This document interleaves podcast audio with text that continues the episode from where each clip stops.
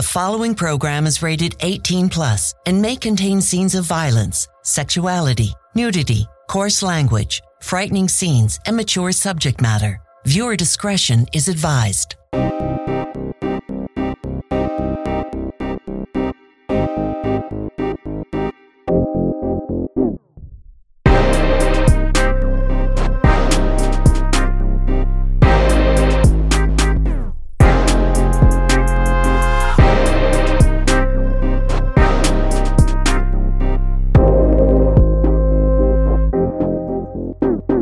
Velkommen til 31. episode af I Kassen Talks. Mit navn er David Bjerre, og det her det er jo showet, hvor vi laver ting, der ikke er deciderede filmanmeldelser.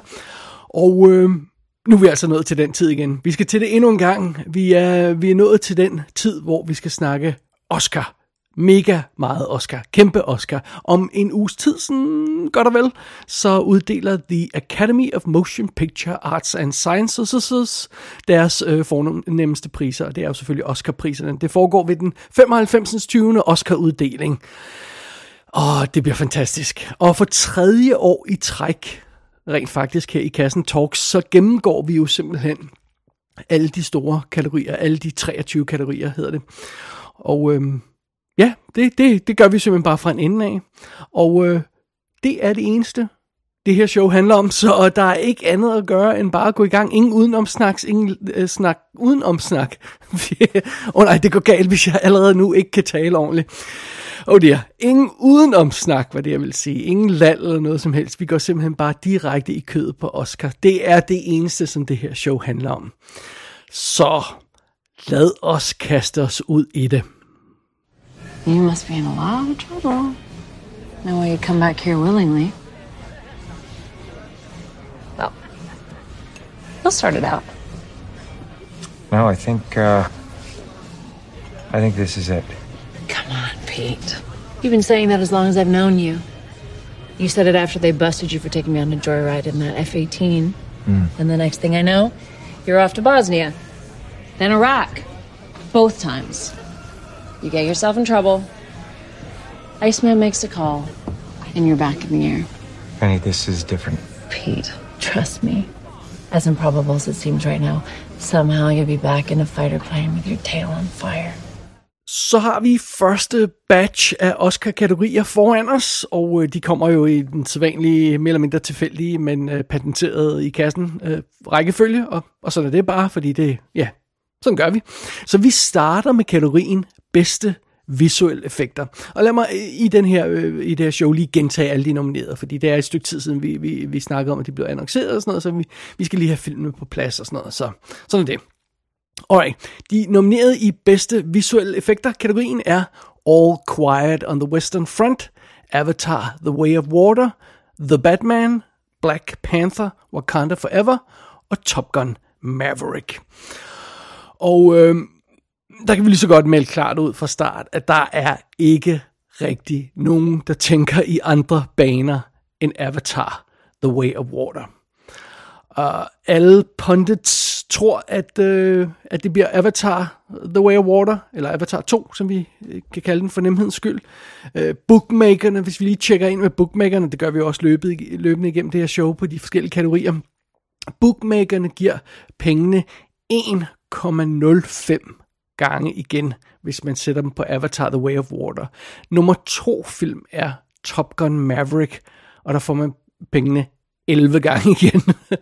Så der, der er altså ingen tvivl om, hvem bookmakerne tror øh, vinder, og ja, hvem der nok også vinder i den her kategori. Det bliver garanteret nok Avatar. Og, og, og det, jeg synes, det er en lille smule synd, at der ikke er nogen, der, der overvejer andet end Avatar, fordi jeg føler ikke rigtigt, at der er nogen reel kærlighed til den her film, alt andet lige, og den er slet ikke sådan, så, så meget nomineret, som, som den oprindelige Avatar var. Så det ville være rart, hvis der var en eller anden form for sådan ex machina-agtig overraskelse i den her kategori, som bare blæste Avatar ud af banen, og det måtte gerne være Top Gun Maverick, der overraskede. Det, det vil jeg altså våge at påstå. Men sådan det. Bare lige hurtigt for lige at kigge ned over de fem film, der er nomineret her, for, for, for, for en Avatar tager al opmærksomheden. Hvis vi har sådan noget som All Quiet on the Western Front, den har sådan cirka 500 effektskud, siger folkene bag. Og, øh, og det, det er altså nogle meget øh, imponerende kæmpe sekvenser om de her tanks, der angriber, og øh, røgen og alt det her løjse, der, der, der hænger i luften og sådan noget, og, og, og det, det virker meget omfattende, det effektarbejde, der, der er lavet på den her film. Jeg kan ikke forstå, at det kun er 500 skud, men det siger folkene. De siger blandt andet også, at der er sådan noget som, at, at nogle af de her effektskud, som for eksempel åbningssekvensen, er fire minutter lange. Og, øh, og, og, og det, det det er selvfølgelig, det, så tæller det kun som, som, som et skud, hvis det er fire minutter langt skud, men, men så der går, går der enormt meget arbejde ind i det. Øh, og øh, og det, det er et, øh, et tysk effektfirma, der står for det, Cinechromatic, tror jeg det, de hedder, som har lavet effekterne til All Quiet on Western Front. Hvis vi går så videre, bare tager dem alfabetisk rækkefølge her film, så Avatar 2, det er selvfølgelig Weta, der har bag visuelle effekter der, og Industrial Light and Magic. Der er sådan cirka 3.200 effektskud, CGI-effektskud i Avatar 2. Og 2.200 af dem har vand.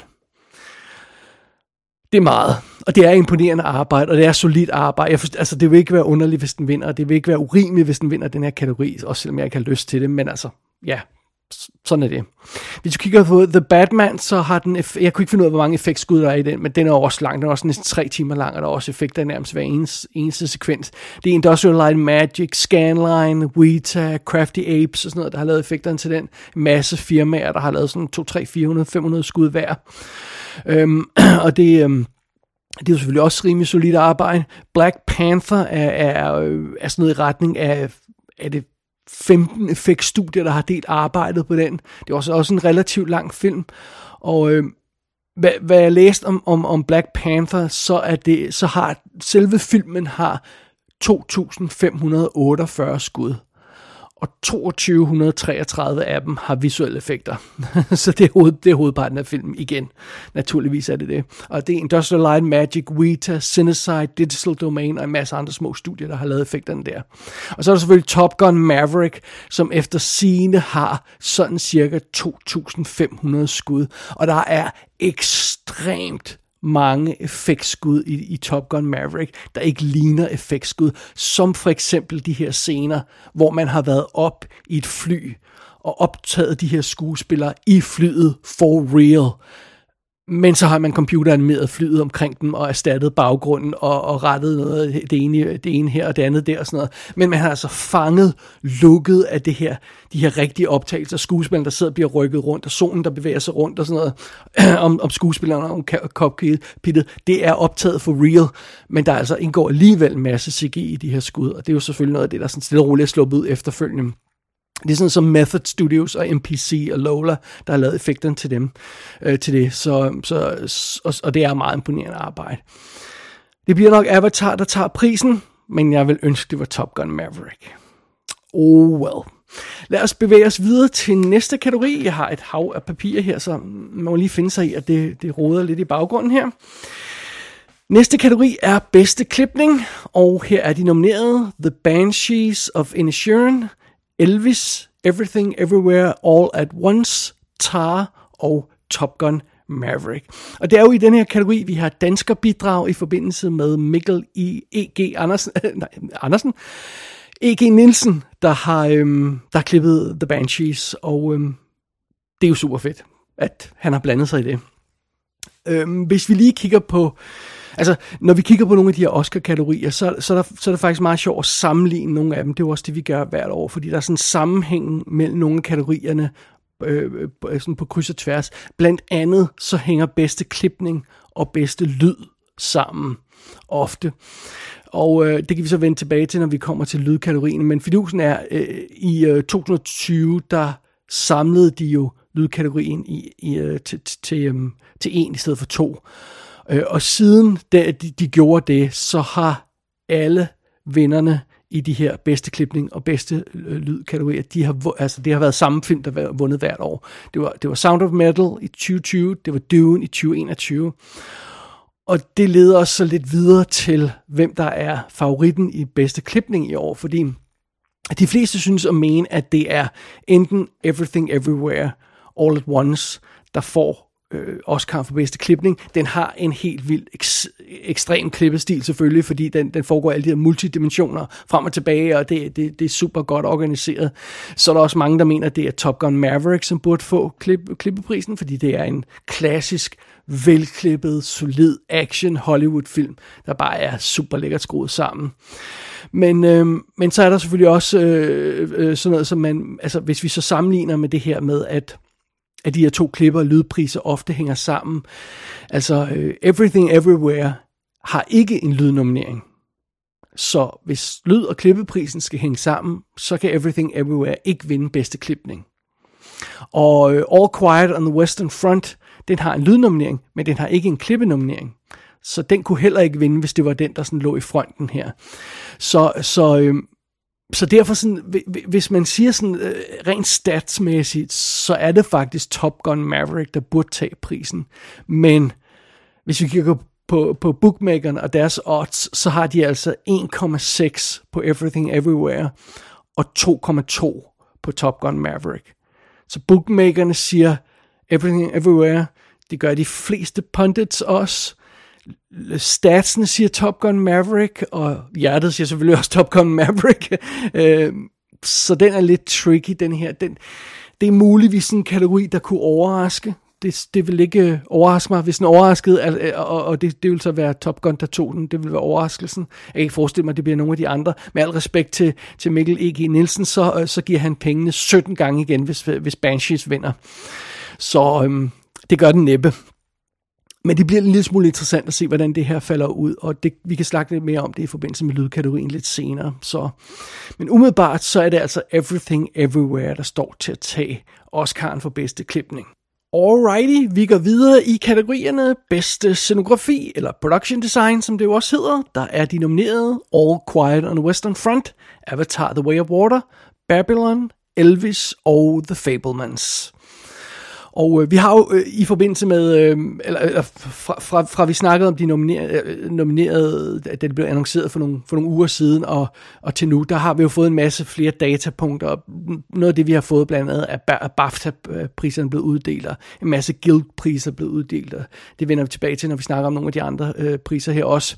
Men noget af det, der er sket, er jo blandt andet, at Babylon 2 BAFTA'en for bedste scenografi og det er åbenbart også den, der ligger bedst i svinget, fordi ja, den har en imponerende øh, voldsom og øh, energisk scenografi, og det er periodelook, og det er old Hollywood, og det er sådan noget, folk elsker. Bookmakeren giver pengene 1,4 gange igen på Babylon, og andenpladsen øh, på bookmaker oddsene, der har vi Elvis, der giver pengene 4,5 gange igen. Altså så 1,4 mod 4,5. Og, øh, og, og, så det bliver nok Babylon.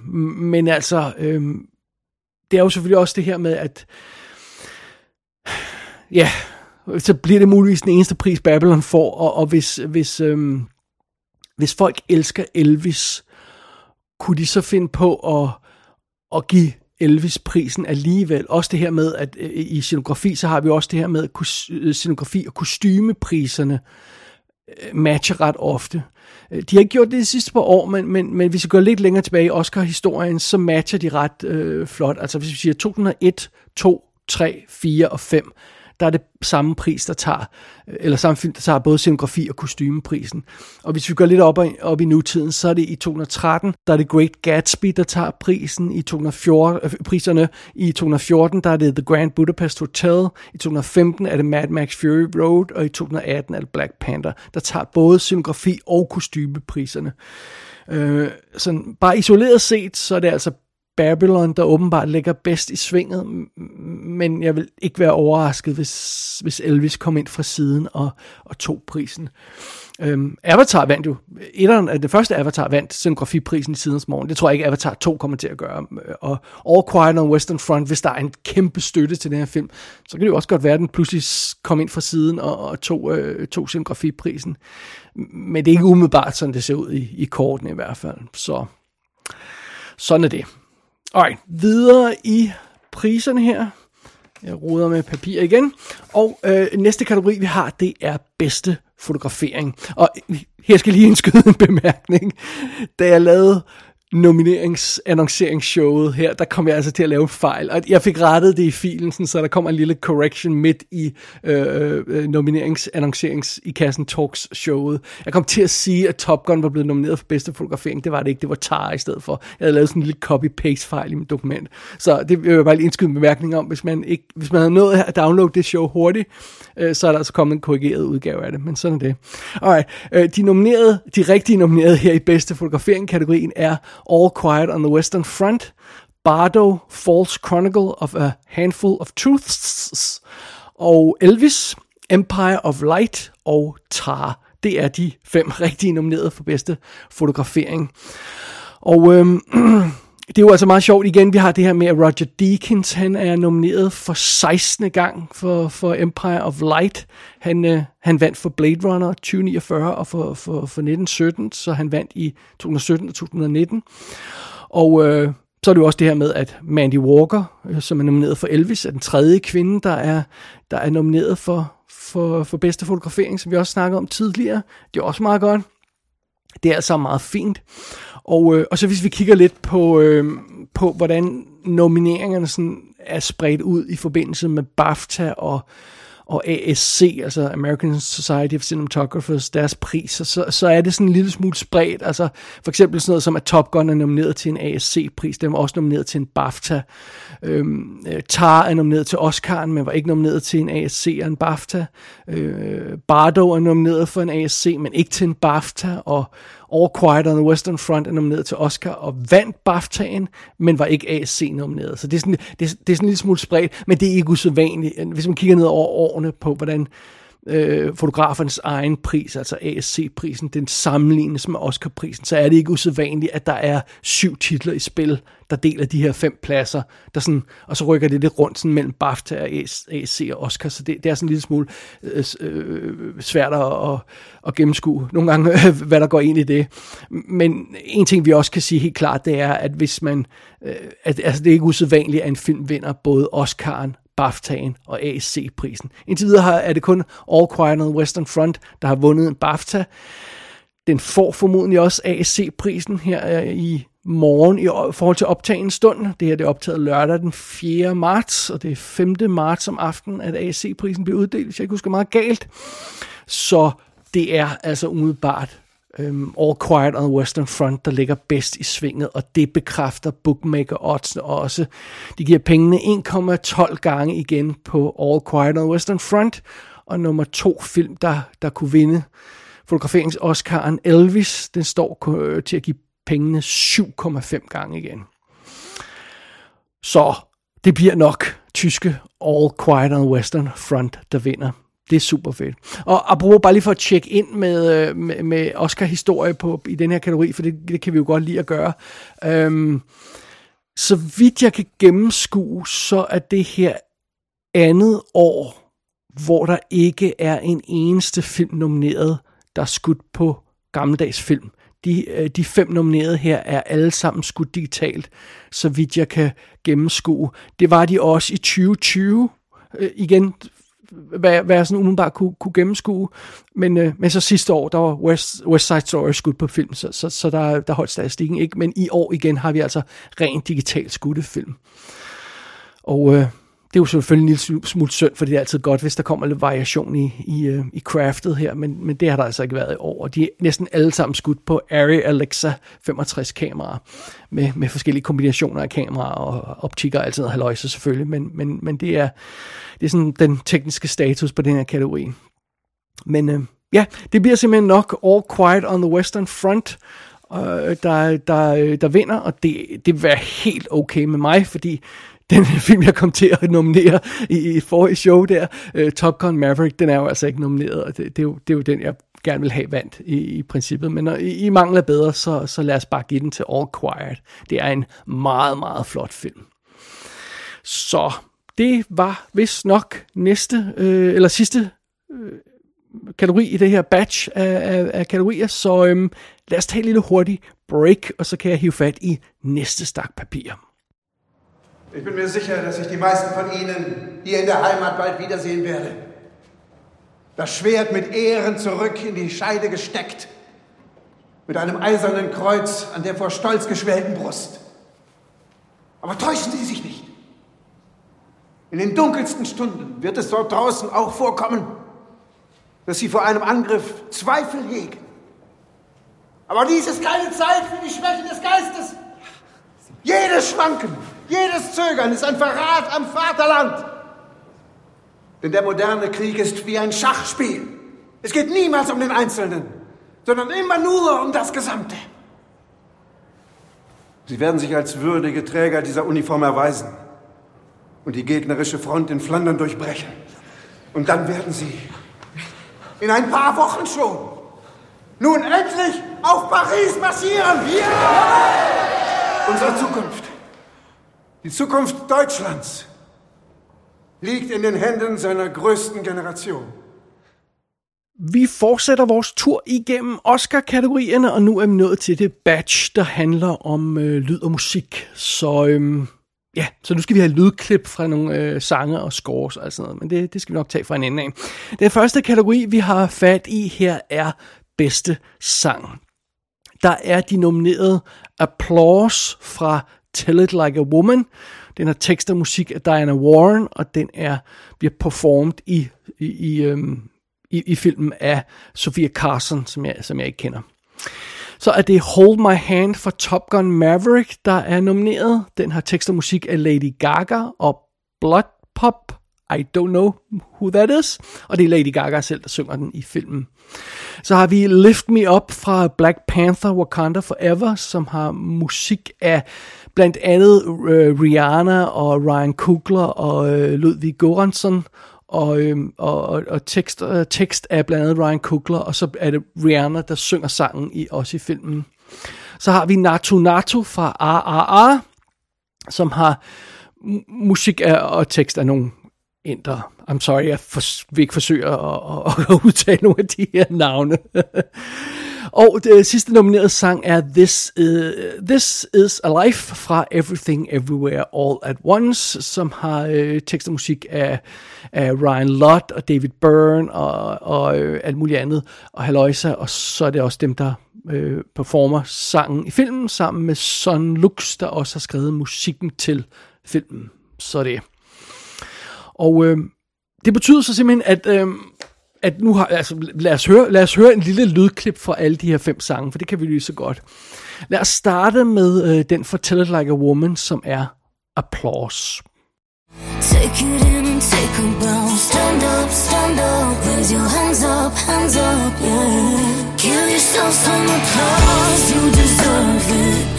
Give yourself some respect Cause you've earned it. Give yourself some love Cause you're worth it.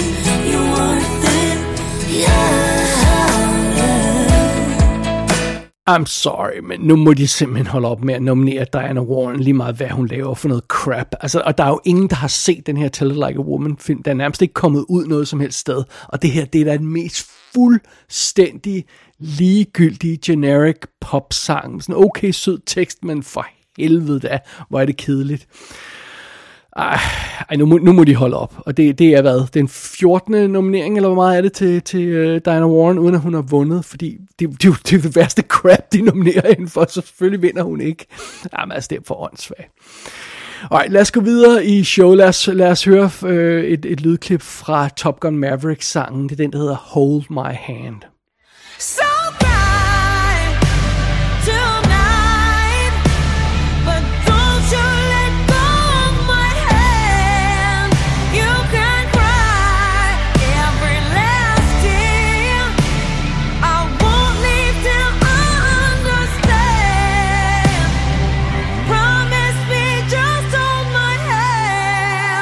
alright, fair nok, lidt bedre sang, stadig lidt kedelig, og jeg synes ikke rigtigt, den her sang, den rent faktisk virker i filmen. Øh, den, øh, den kommer sådan hen imod finalen og end credits, men den giver ikke rigtig sådan et ekstra punch til den sekvens. Faktisk, øh, altså, faktisk er det mere sådan musikken og stemningen og, og billederne, der sådan skaber øh, det, det, det rush, der er i slutningen af, af Top Gun Maverick. Øh, sangen gør ikke noget for, altså det distraherer ikke, men den gør heller ikke rigtig noget for den sekvens i finalen. Øh, så, øhm, så, så jeg, jeg synes ikke rigtigt, det er en, altså, det er jo ikke ligesom sangene fra, fra, øh, fra hvad hedder det, den første Top Gun film, men øh, altså, nej, det, det gør sgu ikke rigtig noget for mig, den her sang, det, det, det må jeg nok indrømme. Alright, lad os gå videre til øh, Black Panther, Wakanda Forever sangen, den, den der hedder Lift Me Up. Lift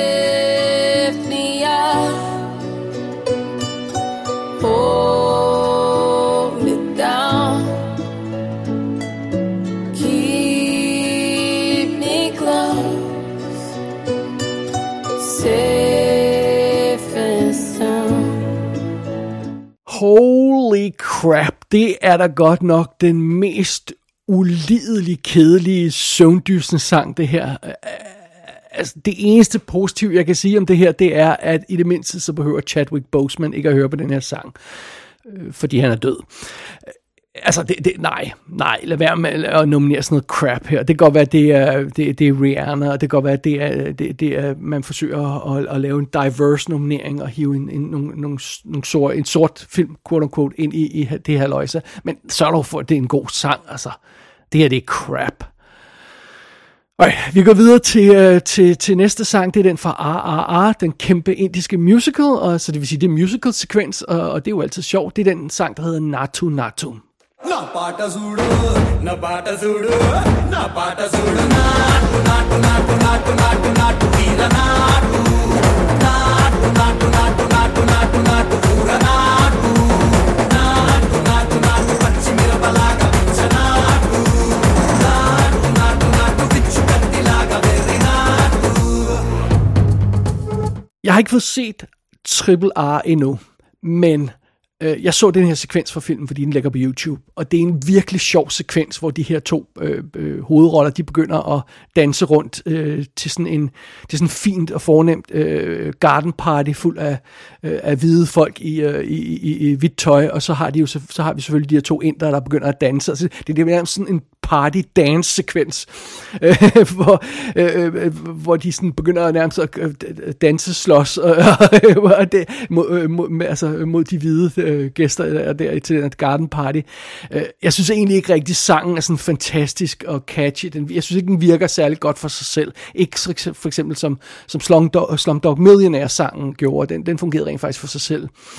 Øh, men, øh, men altså, det virker godt, når man ser klippet fra filmen. Altså, det, og det, det, altså det, der ser det sjovt ud, og øh, det, det er en sjov sekvens, og jeg tror alene det, at folk er vildt begejstrede for filmen Triple R, øh, og alene det med, at sangen er pla- perfekt placeret i filmen, og, og sådan noget, det, altså det, det, det øh, altså den bør, bør vinde alene på det. Det er ikke bare en end-credit sang, det er en decideret musical sang, der bliver brugt i filmen på en god måde, og og, og det, øhm, så det, det er, ja, det, det, jeg forstår godt, hvis det er Natu Natu, der vinder. Men alright, vi skal lige høre den sidste sang også. Det er This Is a Life fra Everything Everywhere All at Once. This is a life Every possibility from destiny. I choose you and you choose me Not only what we sow,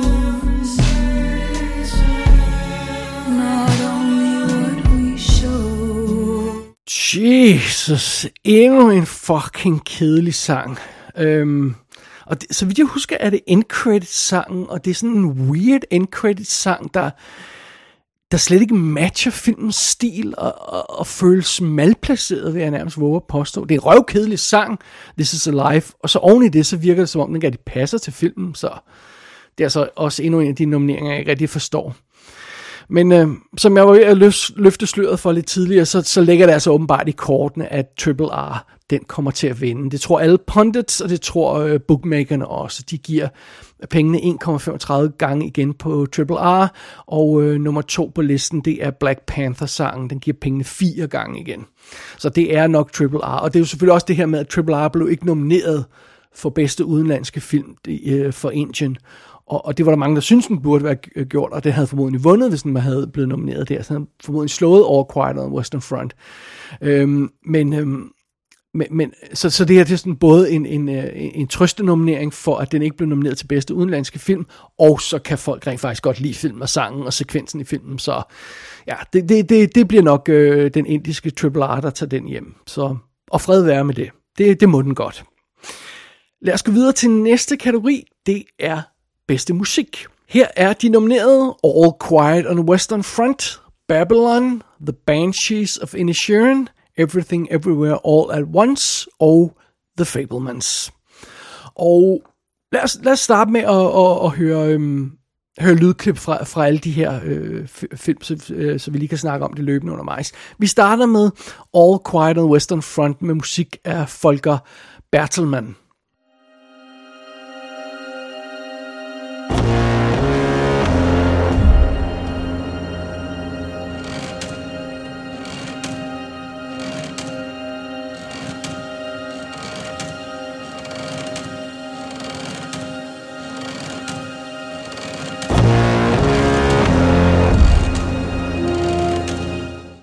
Et super cool score, som den her All Quiet on the Western Front har. Det er mega sådan... Øh, altså det er ikke behageligt at høre på, men det skal det jo heller ikke være for en ubehagelig krigsfilm. Det er mega effektivt brugt i filmen.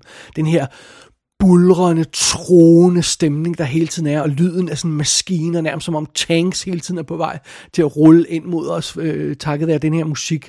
Det virker virkelig, virkelig godt i filmen, det må jeg tilstå.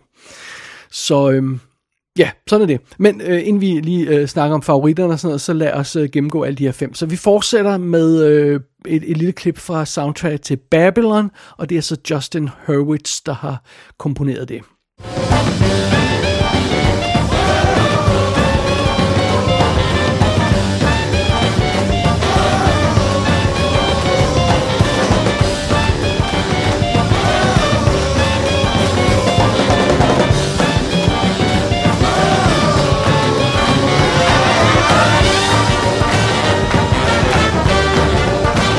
Jeg må tilstå, at jeg har kun hørt en lille smule af den her musik. Jeg har ikke fået set filmen endnu, øh, øh, og jeg synes, det er et fucking ulideligt score, og hvad jeg kan fornemme, så er det sådan cirka lige så ulideligt, som filmen er.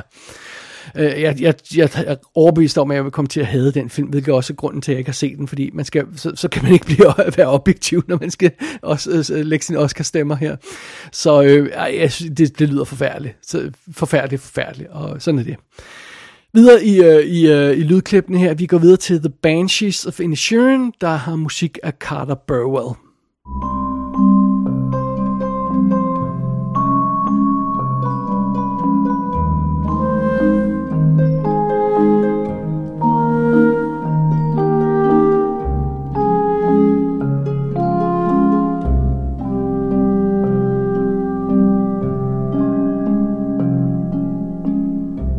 Det her, det er sådan ikke en af den type scores, jeg kunne finde på at lytte til bare sådan isoleret, fordi det, det synes jeg simpelthen, at det er for kedeligt til, det gør ikke rigtig noget for mig, men det virker perfekt i filmen, og det, det, det øh, indhylder filmen i en god stemning, det her score, øh, det, det fungerer virkelig godt for Banshees, så, så øh, ja, jeg ved ikke, om det skal være en, en altså nu, nu snakker vi jo om filmmusik, skal det så være et kvalitetskrav, at filmen eller musikken kan høres væk fra filmen? Fordi det er jo filmmusik. I, I don't know. Men altså, det er selvfølgelig ekstra godt, hvis et score køres isoleret set fra filmen. Men, men det er jo ikke det, det er lavet til. Så det er jo også en unfair øh, måde at vurdere det på. Så I don't know. Det, det er sådan noget, man, ja, man kan gå frem og tilbage i sit eget lille hoved om og, og vurdere. Men, men øh, ja, lad os gå videre øh, og så lige øh, høre et lydklip fra Everything Everywhere All at Once. Musikken er skrevet af Son Lux.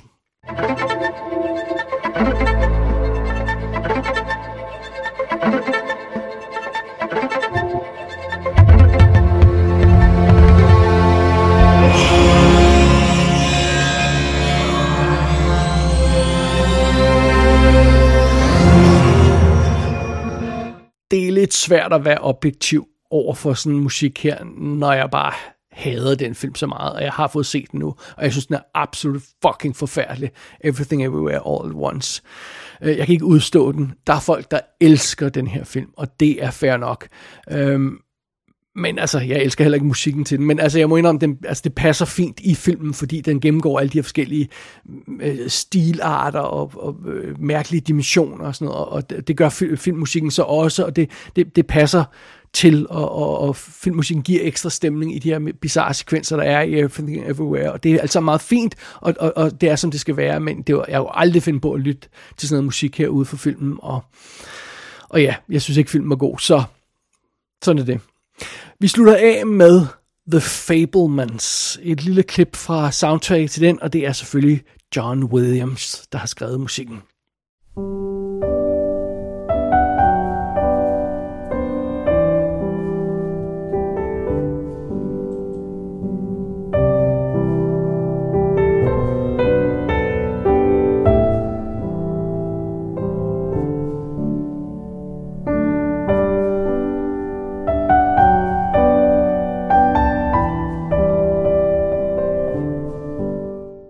John Williams, vi elsker dig. Det gør vi overalt på jorden. Men det her, det er fucking kedeligt. I'm sorry. Det er altså virkelig kedeligt score, kedeligt tema, der er til The Fablemans.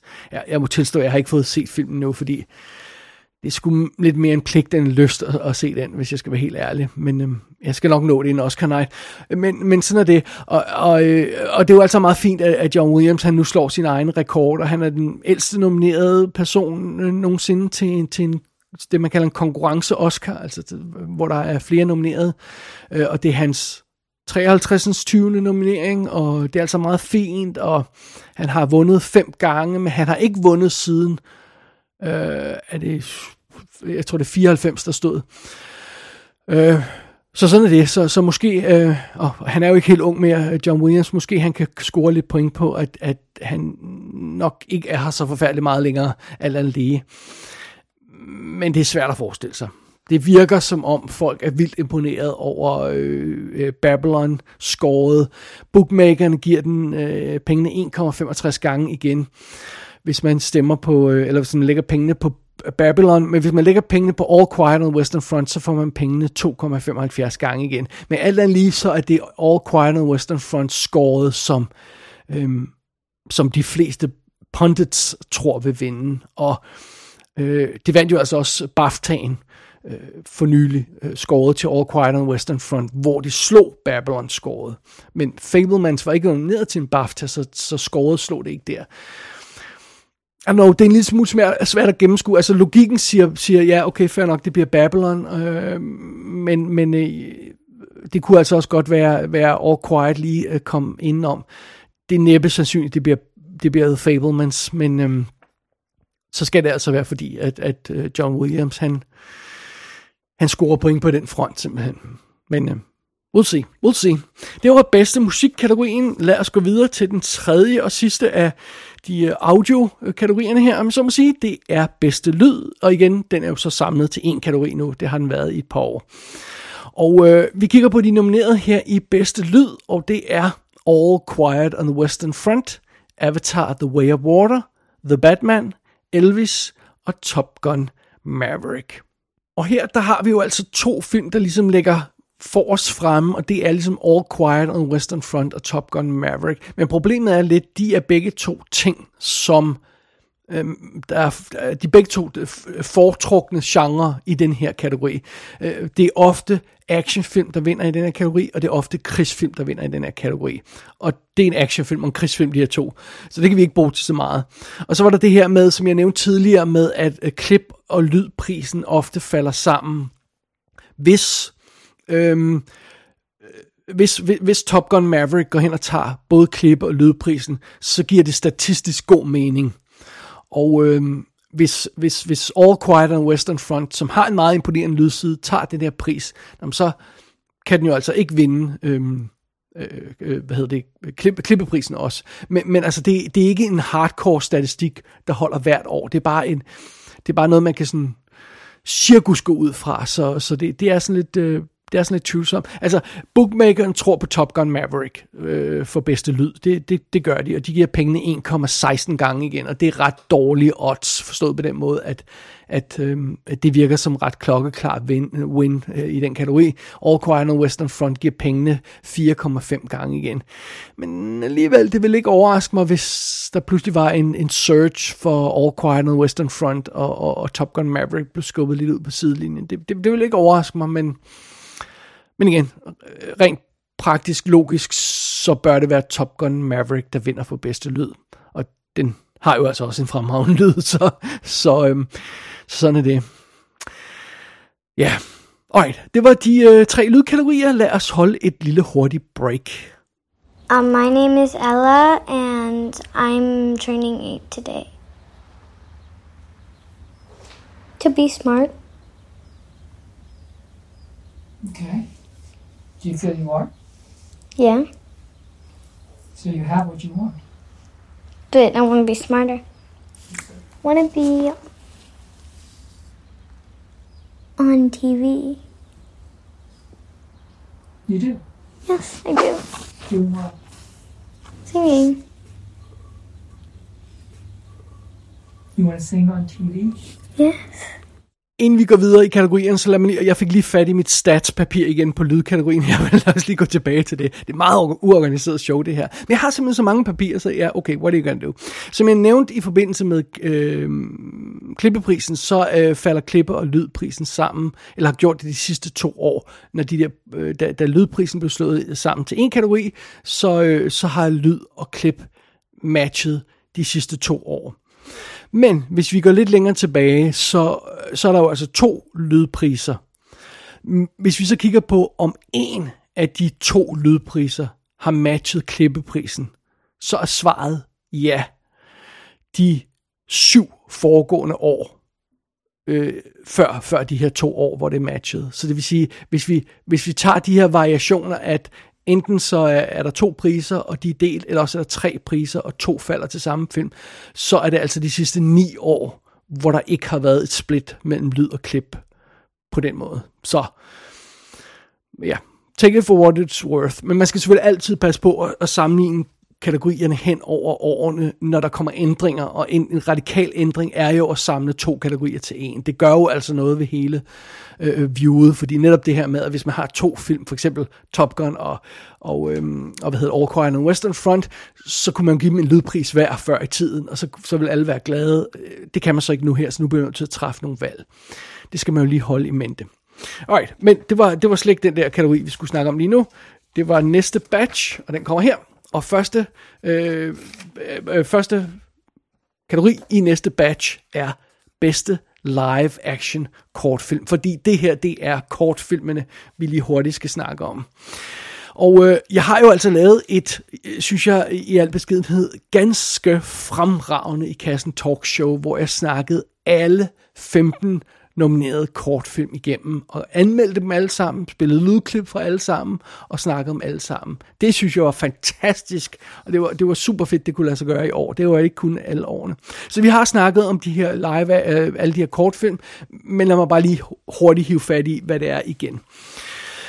De øh, fem nominerede live-action kortfilm er An Irish Goodbye, Eva Lou, Le Pupille, Night Ride og The Red Suitcase. Og her har vi selvfølgelig dansk bidrag igen i form af Eva Lou, der er instrueret af Anders Walter og skudt af Rasmus Heise. Så det. Og fidusen er jo, at igen, vi har BAFTA-vinderne øh, og, og eller lige skæle til, og der var det jo altså An Irish Goodbye, der rent faktisk vandt for bedste kortfilm. Jeg, jeg ved ikke, hvor meget det har relation til, til Oscar, fordi jeg, kan, jeg har ikke lavet nogen stats over, hvor tit øh, BAFTA-kortfilm matcher Oscar-kortfilm, men, men det er meget sjovt, at den lige har vundet der. Men så er der jo altså også det med, at øhm, Alfonso Cuarón, han er jo altså producer på den her film Le Pupille, og det, det er nok den, der er mest set af de her kortfilm, fordi den streamer på Disney+. Plus. Og de fleste pundits tror, at det bliver Le Pupille. Øh, øh, og det er meget sjovt, hvis Alfonso Cuarón vinder en Oscar for bedste kortfilm, han har så altså ikke instrueret, han har produceret den her kortfilm. øh, hvis han vinder en Oscar for den, så er det øh, øh, godt nok øh, imponerende mange kategorier, han har øh, været med i. Fordi Alfonso Cuarón har jo vundet for instruktion, Øh, han, han instruerede Roma og, og Gravity. Han vandt for bedste fotografering på Roma, og han vandt for bedste klipning på Gravity. Derudover har han været nomineret for bedste manus på Utumama Tambien, Children of Men og Roma, og for bedste produktion, altså bedste øh, film på, på Gravity og Roma. Så hvor mange kategorier er det? Det er 1, 2, 3, 4, 5, og så bliver det den sjette kategori, han, han vinder i, hvis han vinder Alfonso Cuarón for Le Pupille. Øhm, det, det håber jeg ikke, han gør, men øh, det kunne altså godt være. Bookmakerne er ekstremt tæt på hinanden i, øh, i, øh, i de her haløjser. Øhm, jeg tog et, en, øh, en, en, en, en, øhm, en aflæsning af bookmaker oddsene den, den 26. i anden, og så har jeg altså gjort det i dag igen, så jeg har de her to punkter, og øh, 26. i anden er før BAFTA'en og før øh, var det DGA og PGA, eller hvad fanden det var, øh, PGA, eller, vi har fået sådan, øh, nej det var SAG og PGA, der er kommet efter den 26. i anden. Under omstændigheder, der er sket en del mellem 26. i anden og så her 4. i 3. Og øh, i forbindelse med øh, uh, An Irish Goodbye og Le Pupille, så An Irish Goodbye har odds 2,10 nu. Le Pupille har 2,5. Før det her skete, alt det her løjse, og før BAFTA, der var det henholdsvis 2,4 og 2,6. Så Irish Goodbye har fået lidt bedre odds, og øh, øh, hvad hedder det, øhm, øh, det har, det har Le Pupille i virkeligheden, øh, ja, altså bedre, mindre odds, dårligere odds, hvad hedder det? man, man får færre penge igen på, på begge to, øh, øh, hvis en af dem vinder. Øh, så det er, sådan, ligesom, det er bare sådan spidset sig ind på, på de her to film, og, og, og de andre øh, film er så faldet i øh, akkelse. Altså i Valo får man pengene 15 gange igen, hvis man sætter dem på den, så, så alt andet lige med al respekt for, for det danske team, så, så vil det en dum investering. Men øhm, jeg håber godt nok, det bliver Irish Goodbye. Den er fan fucking tastic, som jeg også sagde, da jeg anmeldte alle filmene her. Le Pupille synes jeg var lidt anstrengende og alt for lang. Så øhm, ej, jeg håber, det bliver Irish Goodbye. Det kunne godt være. Men igen, de her kortfilmkategorier, det, kan altså, det er som vinden blæser. Hvis man sætter det på bookmaker oddsene, så kan man enten ramme alle plet, eller man kan ramme alle forbi. Fordi det er fuldstændig umuligt at gennemskue nogle gange. Men, øh, men det er værd at holde det i mente. Irish Goodbye har lige vundet BAFTA'en. La Pupille er på Disney+. Plus. Så, det er noget med at slå en terning til allersidst. Det, det bliver en af de sidste kategorier, jeg sætter kryds ved. Det kan jeg godt afsløre. Men øh, sådan er det. Alright, videre til næste kortfilmkategori. Jeg undskylder igen for papirroderiet i baggrunden her. Næste kategori er bedste animeret kortfilm. Og her har vi altså The Boy, The Mole, The Fox and The Horse. Det er stadig kun én film. Så har vi The Flying Sailor, Ice Merchants, My Year of Dicks og An Ostrich Told Me The World Is Fake, and I Think I Believe It. Øh, måske nok den film med den mest fantastiske titel i år. Alright. Øh, der er ingen tvivl, som jeg også snakkede om i forbindelse med anmeldelsen af alle de her film. Den bedste af de her er uden tvivl An Ostrich Told Me The World Is Fake. Den grimmeste af de her film, hvis man skulle gå efter den gamle, gamle regel om, at den grimmeste af dem vinder. Den kan, regel kan man ikke rigtig bruge mere, fordi de har lavet om i om afstemningen jo på, øh, i forbindelse med kortfilm. Før i tiden var det, skulle man se alle sammen for at stemme, og så var der ikke så mange, der gjorde det, og så var det ofte den grimmeste og dummeste, der vandt. Nu er det mere den mere, mere populære, der vinder. Og, men hvis, hvis, hvis man gik efter den gamle, gamle regel om den grimmeste, der vinder, så er det The, uh, øh, My Year of Dicks eller The Flying Sailor, der, der vil vinde. Men den film af de her kortfilm, der har den højeste profil, det er jo altså The Boy, The Mole, The Fox and The Horse. Det er baseret på en berømt børnebog. Den øh, ligger på Apple Plus, og Apple Plus har åbenbart lavet en, øh, en, et, et stort push for at få få, øh, få den her film øh, set af folk og få den snakket om. Den vandt BAFTA'en, The Boy, The Mole. Og øhm, ja, det er jo, det er jo, det er jo, det, det- ligger lidt i kortene, at det bliver The Boy, The Mole and The, the Fox and The Horse, og, og hvad de alle sammen hedder. Den giver pengene 1,3 gange igen, den her øhm, The Boy, The Mole.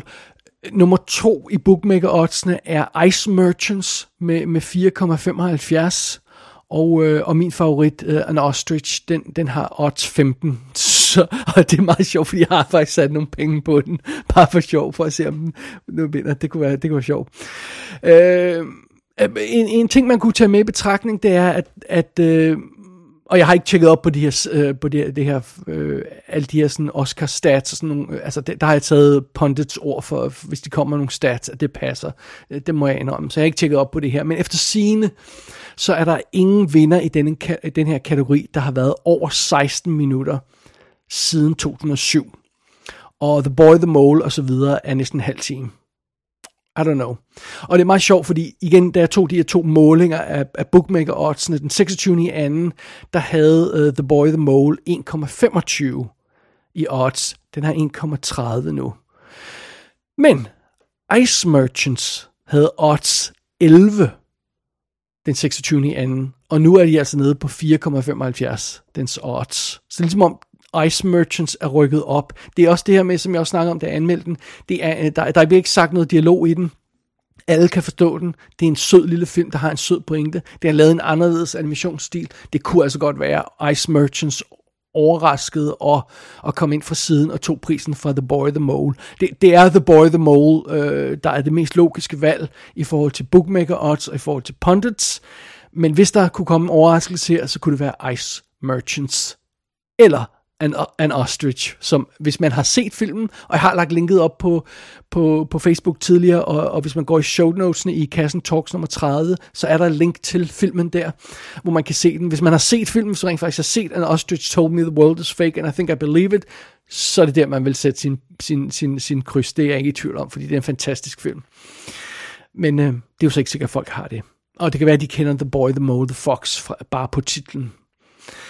Så, det var bedste animeret kortfilm. Det efterlader os med en ekstra lille kortfilmkategori, der er bedste dokumentar kortfilm. Her er de nominerede The Elephant Whisperers, Haul Out, How Do You Measure a Year, The Martha, Martha Mitchell Effect, Stranger at the Gate. Og som jeg også snakkede om i forbindelse med anmeldelsen af dem, den bedste af de her, det er How Do You Measure a Year, eller The Martha Mitchell Effect. Den mest sete af de her film, det er jo altså nok The Elephant Whispers. Den er på Netflix, og det er handler om elefanter. Og så tror jeg, at folk bare siger, åh, jeg så elefanter, og jeg ser lige en kortfilm med dem. Og øh, den mest relevante sådan, tematisk for tiden her, og for, for indholdet i den, det er altså Stranger at the Gate. Så vi er sådan en lille situation, hvor vi lægger mellem de her to ting. Hvad, hvad kunne man forestille sig af... af altså, der er mange pundits, der tror, at det er Stranger at the Gate, som kommer ind og tager prisen. Bare lige for at recap, hvis man ikke har hørt for i Kassen Talks, så er det jo altså den her om en, en, en gut, der vil lave øh, et attentat mod en, en øh, moské og, i, i USA, og så går han ind og snakker med folkene først, og så finder han ud af, at de er rigtig søde. Og, og Øh, det kunne godt være, altså det, det, det, det, det ligger næsten lige til højre benet, at det her, det, at det skulle være sådan en film, der vandt i år. Det, det, det synes jeg vil give rigtig god mening. Øh, men Elephant Whispers igen, den er på Netflix, den handler om elefanter, som jeg snakkede om, da jeg anmeldte den, an, anmeldte den, så er den meget, meget misvisende og manipulerende, men det tror jeg ikke, de fleste folk ved, så jeg tror bare, de sætter sig ned og siger, åh, de søde elefanter, var det dejligt. Og, og så kunne det godt være, at den vandt. Og, og øhm, fik jeg sagt oddsene på de her uh, Elephant Whispers, den, den ligger på 1,75 øh, odds, og Stranger at the Gate ligger på 4,75. Men af en eller anden grund, så har Hall Out, som ikke var særlig god, den har næsten, øh, den har bedre odds end Stranger at the Gate, den har odds 4,25. Og min favorit, How Do You Measure a Year, den har odds 9. Så der har jeg nok mistet en 50'er der, eller var det en hund, jeg satte på den, det kan jeg ikke huske. men, men det er sjovt at have lidt, uh, lidt penge med i spillet undervejs, specielt på de her kortfilm. Det gør kortfilmkategorierne endnu mere spændende. Men det sjove det hele er, nu har jeg set alle de her 15 kortfilm i år, så jeg har rent faktisk favoritter i hver kategori, og så er det meget sjovere at se med. Og det er jo også en del af pointen, som jeg har snakket om mange gange tidligere i forbindelse med det her Oscar Aloysa. Sørg nu for, at vi kan se de her kortfilm, og de bliver tilgængelige. Det, det er ikke meningen, det skal være så besværligt. Men igen, hvis man går ind på show notes i kassen Talks 30, så kan man se links til de af filmene, der er tilgængelige rent øh, sådan offentligt og kan ses. Så det. Det var de tre kortfilmkategorier. Vi tager lige et lille break igen. Alexei Navalny arrives at this hospital in Berlin. to have your dad, an opposition leader, being poisoned. It was literally like a book. Come on, poisoned? Seriously? so shocked. It's like Putin's leaving a signature on a crime scene. It's kind of stupid. We found a domestic assassination machine on an industrial scale. Navalny will personally call his poisoners one by one. Это Навальный Алексей вас беспокоит. Хотел узнать, зачем вы хотели меня убить. Oh my god, you ruined their day. Så starter vi med det batch af kategorier, der hedder alternativ spillefilm. Og øh, den, den første øh, kategori her i det her batch er bedste dokumentarspillefilm. Her er de nomineret All That Breathes, All the Beauty and the Bloodshed, Fire of Love, A House Made of Splinters og øh, Navalny, tror jeg man siger. Navalny, ja. Det, øh, det er de fem film, der er nomineret her. Og igen, House of Splinters er jo øh, dansk produceret, så der har vi et lidt dansk bidrag i, igen der, og det er jo altså meget cool. Øh, men øh, det ser altså ikke ud som om, den ligger særlig godt i svinget. Den giver pengene 25 gange igen, hvis den vinder House of Splinters, Made of Splinters. Så det er næppe sandsynligt. Øh, I et langt stykke tid, så var det Fire of Love, der lå godt i svinget og lå til at vinde den her kategori, men, øh, men øh, Øh, og, og den vandt åbenbart DGA'en, altså Directors Guild, øh, øh, uddeler jo også priser til bedste dokumentar, og der, der vandt Fire of Love om, om det her øh, uh, par, der studerer vulkaner og, og ender med at blive slået ihjel. Det er åbenbart ikke nogen hemmelighed, at, at de døde øh, øh, øh, i forbindelse med deres fælles kærlighed til, til vulkaner, og, og så følger man deres, deres liv i den her dokumentar. Det skulle være en vildt god øh, dokumentar. Øhm, det, det er altså meget fint, og, og, øhm, og i øvrigt så, øh, bare lige for en god ordens skyld, øh, det, det er vist nok en af de... Øh, Øh, den Fire of Love er på Disney+. Plus. Ja, det, bare lige for at styr på det. Den er på Disney+, Plus. der kan man se den der. House Made of Splinters tror jeg ikke, man kunne se online nogen steder. All the Breeds er på HBO Max, og All the Beauty and the Bloodshed kommer på HBO Max, men vist nok ikke inden Oscar-uddelingen. Og øh, Navalny er også på HBO Max. Var det vist nok, ja. Så, så nogle af de her kan man altså godt se. Under omstændigheder, det var Fire of Love, der lå godt i svinget her til, til at starte med, men så er det altså Navalny, den, øh, som jo altså handler om en, en, øh, en gut, der øh, modsætter sig øh, Putins styre, og øh, de forsøger, Putin forsøger at slå ham ihjel med, øh, ved at forgifte ham, øh, og, og, og så... Øh, og, og, og, men han, han, han overlevede, og så følger man hans kamp for det åbenbart. Øh, så det, og, ja, i forbindelse med, med, med, med, med, med Putin og hans øh, skingerens skøre opførsel, så er det jo en film, der er aktuel i tiden, Navalny, og det er muligvis også derfor, at den sådan har overhalet Fire of Love indenom, fordi Navalny har så taget BAFTA-prisen for nylig, den vandt øh, PGA-prisen, altså Producers Guild, igen giver jo også en pris til bedste dokumentar, den vandt den, og øh, Bookmaker har altså reduceret oddsene på den her film, så, så Navalny giver kun pengene 1,5 gange igen, hvis man sætter penge derpå. Og øh, Fire of Love giver, øh, giver pengene øh, 5,5 gange igen. Så det ser ud til at være øh, Navalny, der vinder den her kategori for bedste, bedste dokumentarspillefilm. Og øh, den skal jeg se, om jeg kan nå at se inden, men jeg, der er så kort tid tilbage, så jeg ved ikke, om jeg, kan- hvor meget jeg kan nå at se alle de her film, men uh, so be it. Lad os gå videre til næste alternativ spillefilm. Det er bedste animeret spillefilm. Og her er de nominerede. Guillermo del Toro's Pinocchio, Marcel the Shell with Shoes On, Puss, Puss in Boots, undskyld, The Last Wish, The Sea Beast og Turning Red. Og øh, for lige at få et overblik over det, øh, Guillermo del Toro's øh, Pinocchio er jo på Netflix. Marcel the Shell øh, kan man ikke se andet end hvis man leger, øh, leger den eller, eller, eller køber den fra, fra A24's hjemmeside. Det, det, det, øh, det er jo det. Øh, Puss in Boots er vist lige kommet til streaming, eller også er den på vej. The Sea Beast er på Netflix, og Turning Red er jo Disney+. Plus. Øh, det er en Pixar-film, så den er på Disney+. Plus. Alright, og øhm, øh, det, det er jo simpelthen, øhm, ja, det er jo altså åbenbart Pinocchio, der, der, der ligger helt hardcore i svinget til at tage den her. Øh, den giver pengene 1,03 gange igen. øh, Pinocchio. Øh, nummer to på listen, eller øh, de, de næste f- tre film på listen over oddsene, de giver pengene 17 gange igen. Blandt andet Marcel the Shell, Puss in Boots og Turning Red. Og øh, ja, sådan, sådan er det jo. Så det, det er åbenbart den, der er blevet udnævnt til at være favoritten. Jeg har ikke set den nu, fordi jeg gider ikke at se flere udgaver af Pinocchio, for, hvis jeg skal være helt ærlig. Det er jo en stop-motion animeret film, det er super cool, men det er Marcel Shell jo også, så, det, så hvorfor ikke give den til den i stedet for? Og øh, de tre øvrige film, som er nomineret her, er jo sådan rimelig classy øh, CGI-animerede film. Så, så der er to stop-motion og to CGI-animerede film.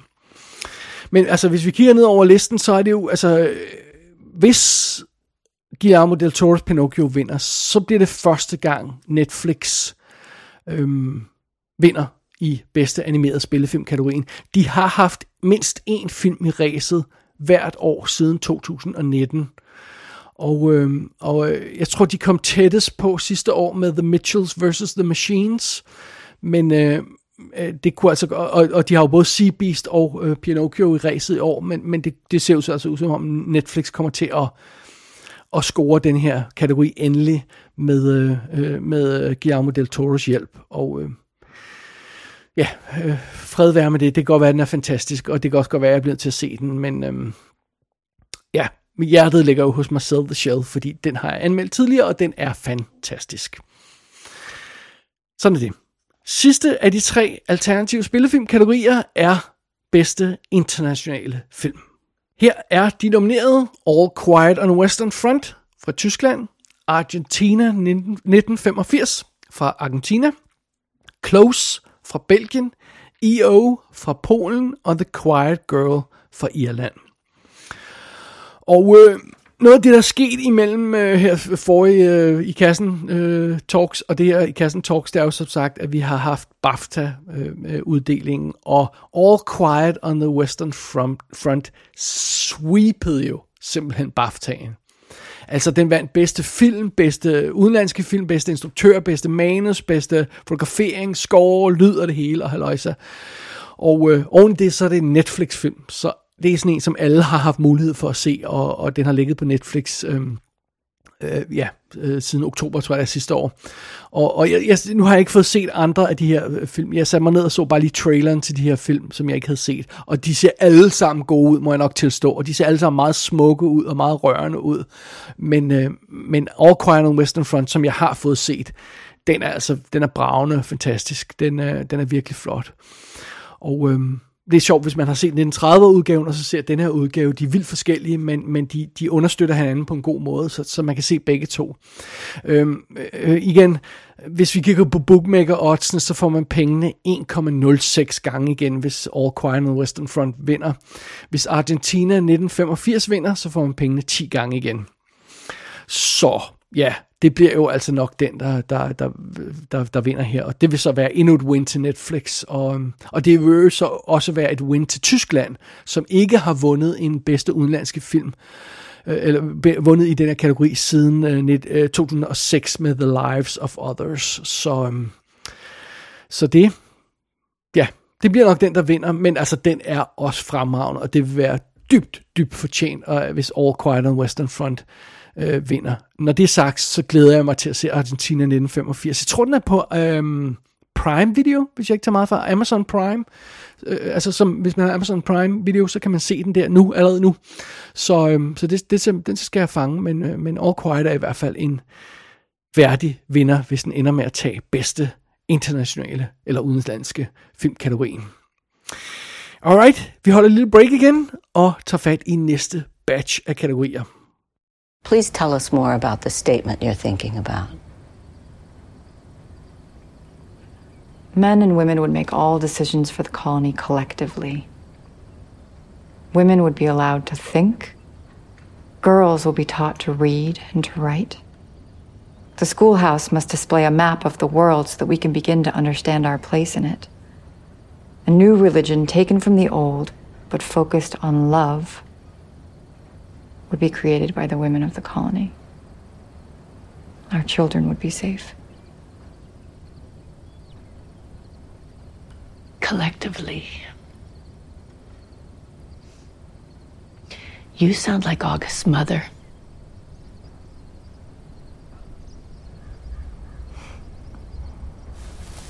Nona, you're a dreamer. We're women without a voice. We have nothing to return to. Even the animals are safer in their homes than we women are. All we have are our dreams. So, of course, we're dreamers. Næste batch af kategorier indeholder lidt, øh, lidt af de kreative crafts og så noget manus halløj. Vi starter med bedste make-up og hår kategorien. Og her er de nomineret All Quiet on the Western Front, The Batman, Black Panther, Wakanda Forever, Elvis og The Whale. Og øhm, her er vi jo så i en situation, hvor øh, der er to film, der er meget, meget, meget tæt på hinanden. Elvis vandt BAFTA'en for bedste makeup, men The Whale virker som om den ligger virkelig godt i svinget i forbindelse med, at hvis man bare har set et eneste billede fra den film, hvis man bare har set plakaten fra den film, så har man set Brendan Fraser øh, og, og transformeret til den her øh, Øhm, med han 300 kilo tunge fyr, som, som, øh, som, som, som er The Whale, som, som spiller hovedrollen. Så øhm, øh, altså, The Whale har den mest tydelige og øh, klokkeklare transformation, som, som man vil kunne finde på at stemme på, selvom man ikke har set filmen. Men apparently så er arbejdet i Elvis fantastisk. Og nu har jeg ikke set Elvis endnu, øh, fordi jeg er røvlig glad med Elvis. Men øh, hvad hedder det, hvad jeg kan forstå på det, så, så bliver han rent faktisk Fat Elvis i filmen, så det er jo selvfølgelig også en del af make som øh, skal laves undervejs, og så har øh, Tom Hanks jo også øh, make på, så I don't know. Bookmaker oddsene på den her kategori hjælper ikke, for der er to temperaturen på dem i dag, så har The Whale og Elvis samme odds. 1,85. Og det betyder, at oddsene er blevet en lille smule dårligere for The Whale og en lille smule bedre på Elvis. Og det er selvfølgelig fordi Elvis har vundet BAFTA'en. Men øh, de ligger altså side om side nu.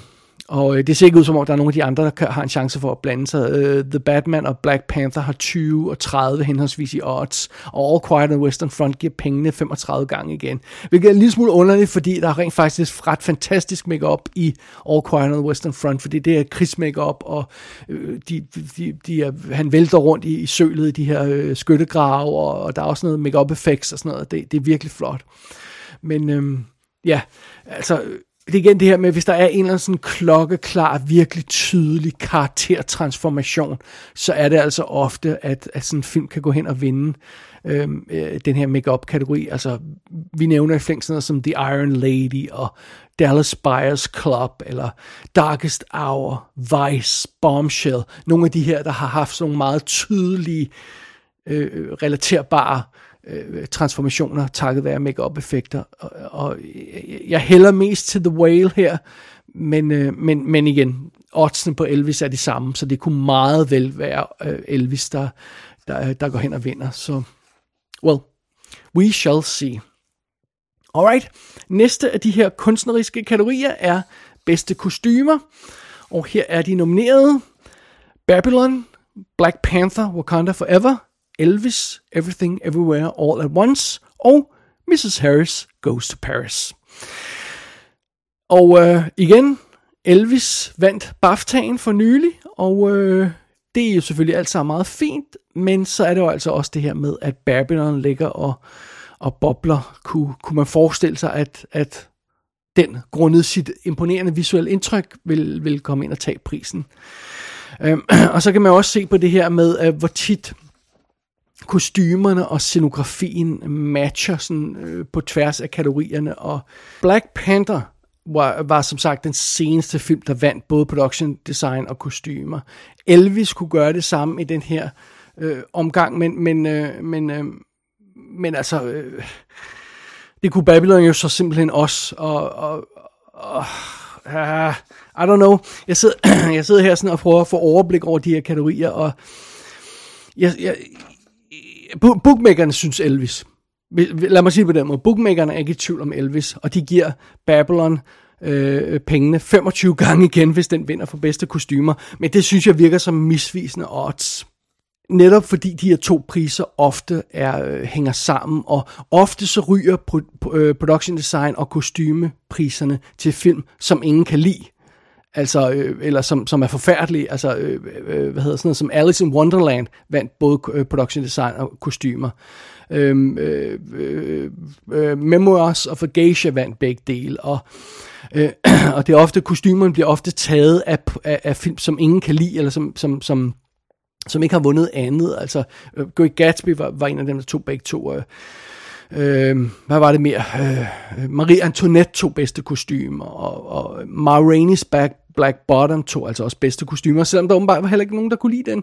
Og Cruella vandt jo altså bedste kostymer sidste år som solopris bare, og vandt ikke andet. Og det betyder altså, at, at, at ja, okay, fair nok, Elvis øh, er, er den, der virker som om den har bedste odds, men det er jo så selvfølgelig også påvirket af, at den lige har vundet BAFTA'en.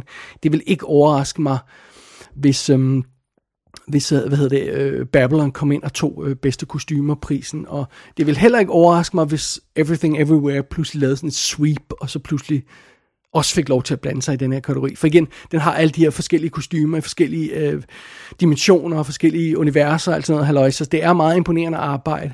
Øh, men det er Elvis selvfølgelig også. Man har skulle genskabe tidsperioder over adskillige årtier. Og ja, alright. Bookmaker også siger Elvis. Øh, Pundit siger Elvis, men jeg, jeg synes, man skal være opmærksom på, at der kunne være en overraskelse i den her kategori.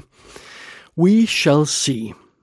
Det betyder så, at efter de her to kunstneriske kategorier, så kan vi bevæge os videre til manuskategorierne. Vi starter med bedste adapteret manuskript. Her er de nominerede. All Quiet on the Western Front, Glass Onion, A Knives Out Mystery, Living, Top Gun Maverick og Women Talking. Og her er det altså åbenbart Women Talking, der er favoritten. Og det, det glæder mig virkelig meget. Jeg har netop lagt en anmeldelse op af filmen, og den er fan-fucking-tastic.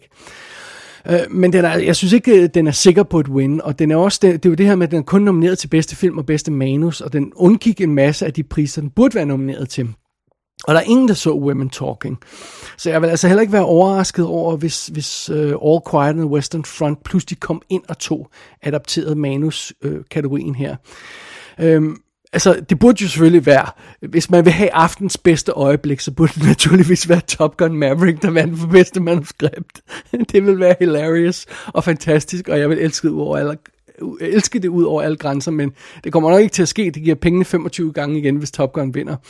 Uh, All Quiet giver pengene 2,1 gang igen. Women Talking giver pengene 1,65 gange igen. Så de er meget tæt, de er, og, og, og, øh, og afstanden mellem dem er blevet mindre her, øh, øh, øh efter de to temperaturer, jeg har taget på oddsene. Så ja, det, det er jo... Øh, det bliver lidt spændende. Det, det, jeg håber, det bliver uh, Women Talking alt andet lige, men øhm, igen, det er det her med, at sådan som aften forløber, vil vil jo fortælle os øh, nogle af de senere priser. Hvis, hvis All Quiet on Western Front ender med at sweep, jamen, så kunne den også godt tage den her, men øhm, we don't know yet. Uh, Right, øh, det bringer os videre til den sidste manuskategori, og den sidste kategori i det her batch, og det er bedste originale manuskript. Her er de nomineret The Banshees of Inisherin, Everything Everywhere All at Once, The Fablemans, Tar og Triangle of Sadness.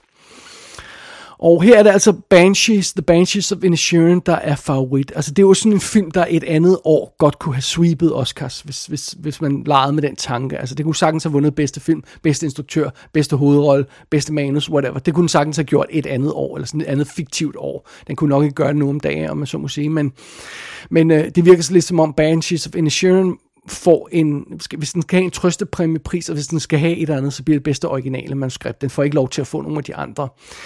Øh, den giver pengene 1,66 gange igen, for, ifølge bookmakerne, men Everything Everywhere All at Once snuser altså til den med 2,1 odds. Så det er spørgsmålet om... Øhm, altså, der bliver jo stemt i øjeblikket, at det den syvende i anden, at der bliver lukket for stem, afstemningen, så vidt jeg husker. Det har jeg skrevet ned et eller andet sted. Så, øhm, så Oscar Akademiets medlemmer kan i nu, på nuværende tidspunkt stemme på de her film, og, og, og, og tingene kan stadigvæk rykke sig. Så jeg tror ikke Spielberg kommer til at vinde en Oscar for, for sit manus til, til The Fablemans.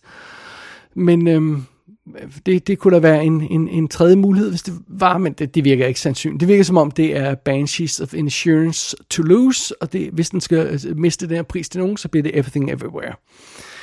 Så, øhm, men altså, det, det vil da være rimelig overraskende, hvis, hvis øh, Everything Everywhere endte med at tage øh, alle toppriserne, øh, inklusiv bedste manus. Det, må jeg, det, vil jeg, godt- det vil jeg godt nok være overrasket over, men øhm, ja, det må vi se på, når, når den tid kommer. Da- Vi er altså meget klogere om en uge og et par dage. Det var sidste øh, kategori, det her batch. Lad os tage endnu et break, og så vende os mod de sidste kategorier. I don't think you're dull.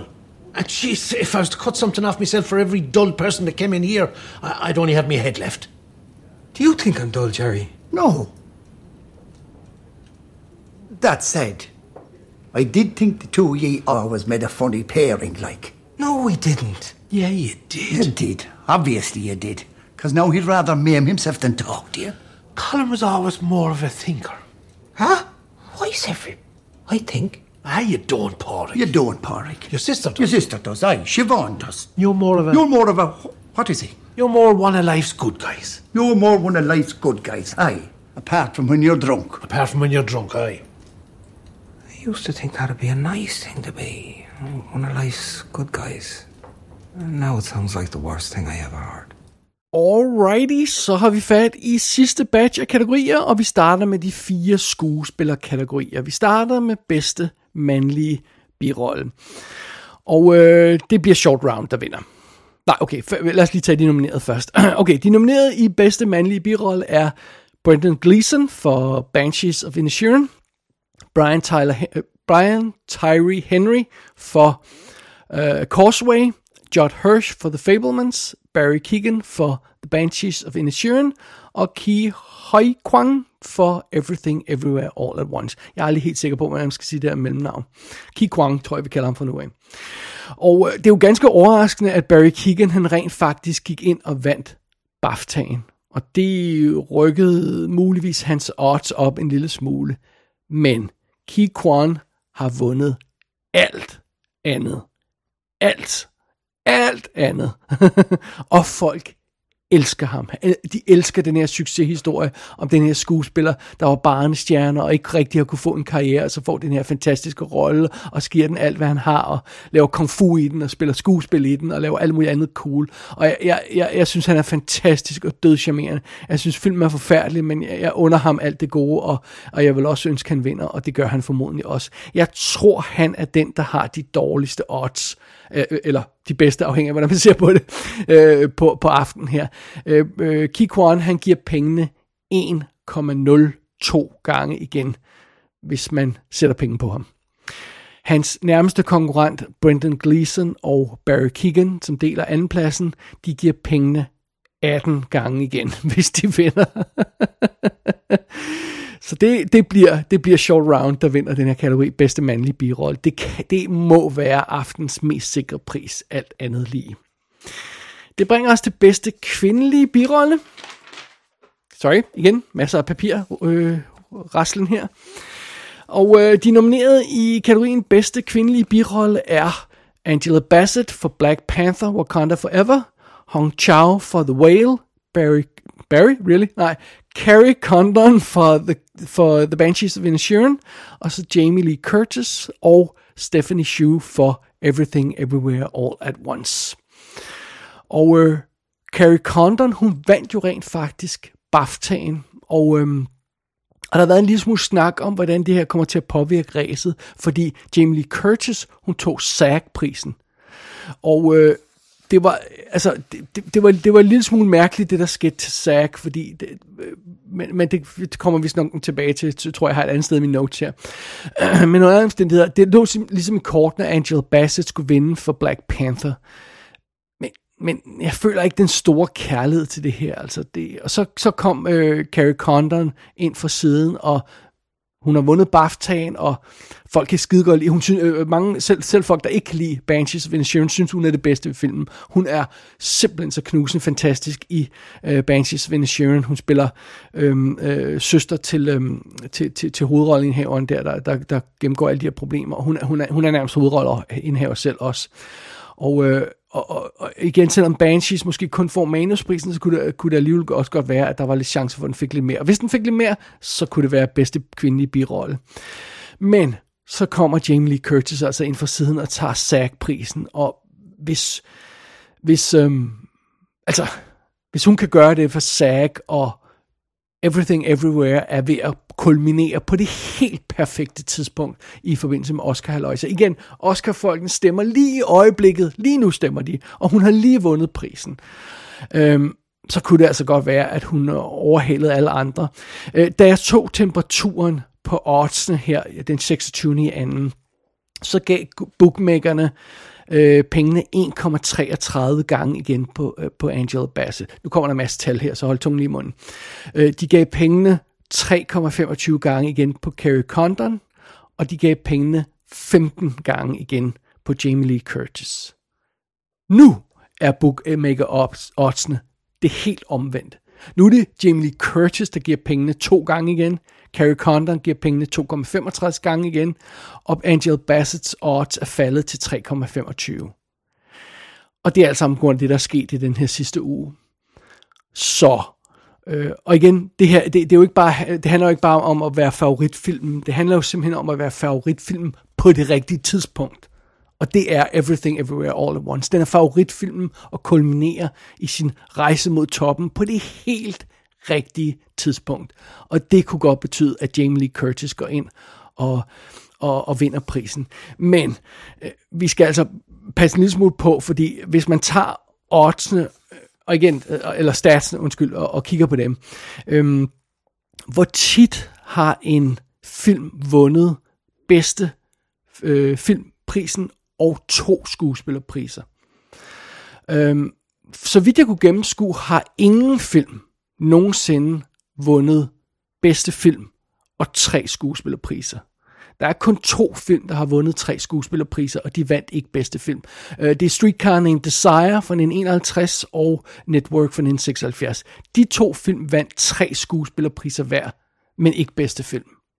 Og hvis vi kigger på de film, der har vundet bedste film og to skuespillerpriser, så er den seneste af dem, så vidt jeg kunne gennemskue i hvert fald, uh, Million Dollar Baby fra 2004.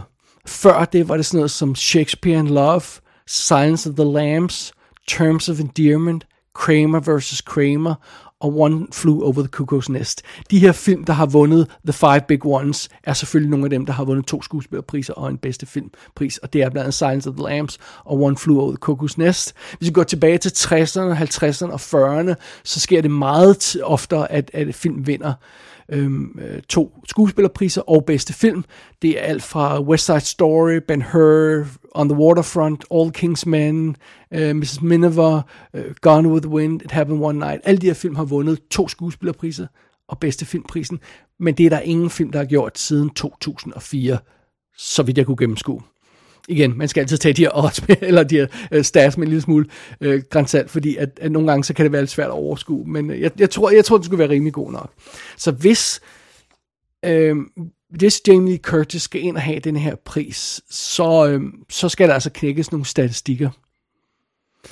Og øh, det kan vi kigge lidt mere, eller, eller det, det bliver jo så mere aktuelt, når vi kommer til bedste hovedrolle, men, øh, men lad os lige tage det fra en ende af her. Så bedste kvindelige birolle, det lige nu ligger det, er det sådan en three-way race med Angel Bassett som mulighed, Carrie Condon som mulighed, og Jamie Curtis som en mulighed. Og deres odds er uhyggeligt tæt på hinanden. Så det er sådan noget med, at man skal tage temperaturen på de her odds øh, dagen før Oscar Night. Så, men øh, ja, alright. Det var øh, bedste kvindelige birolle. Så kommer vi til bedste mandlige hovedrolle. Også en kategori, der er svær. Her er de nomineret Austin Butler for Elvis, Colin Farrell for Banshees of Inisherin, Brendan Fraser for The Whale, Paul Mescal for Aftersun og Bill Nye for Living. Og øh, så er jo fidusen, at Austin Butler, han vandt lige BAFTA'en for Elvis. Og Brendan Fraser vandt SAG-prisen for The Whale. Og de har altså ligget og rykket rundt i deres oddsen stille og roligt. Lige nu, i forbindelse med bookmakerne, så er oddsen på Brendan Fraser 1,5. Og Austin Butler er på 2,45. Men de fleste af, af, af Oscar pundits holder altså fast i, at det nok bliver, bliver øh, Austin Butler, der tager den for Elvis. Men de er meget, meget tæt på hinanden, og, og åh, det bliver svært. Det bliver svært. Hvis man vil være helt sikker på ikke at, at, at, at, at, at, at, gøre noget dumt, så, så bør man nok lige nu holde fast i Brendan Fraser, men det kunne sagtens være, at han tabte den alligevel her på, på faldrebet. Meget spændende. Det bedste mandlige hovedrolle, den, det, det er en af dem, vi holder vejret til undervejs. Det er det i hvert fald. Det bringer os videre til bedste kvindelige hovedrolle, den sidste af de fire skuespillerpriser, og her er de nomineret. Kate Blanchett for Tar, Anna de Armas for Blonde, Andrea Riceborough for To Leslie, Michelle Williams for The Fablemans, og Michelle Yeoh for Everything Everywhere All at Once.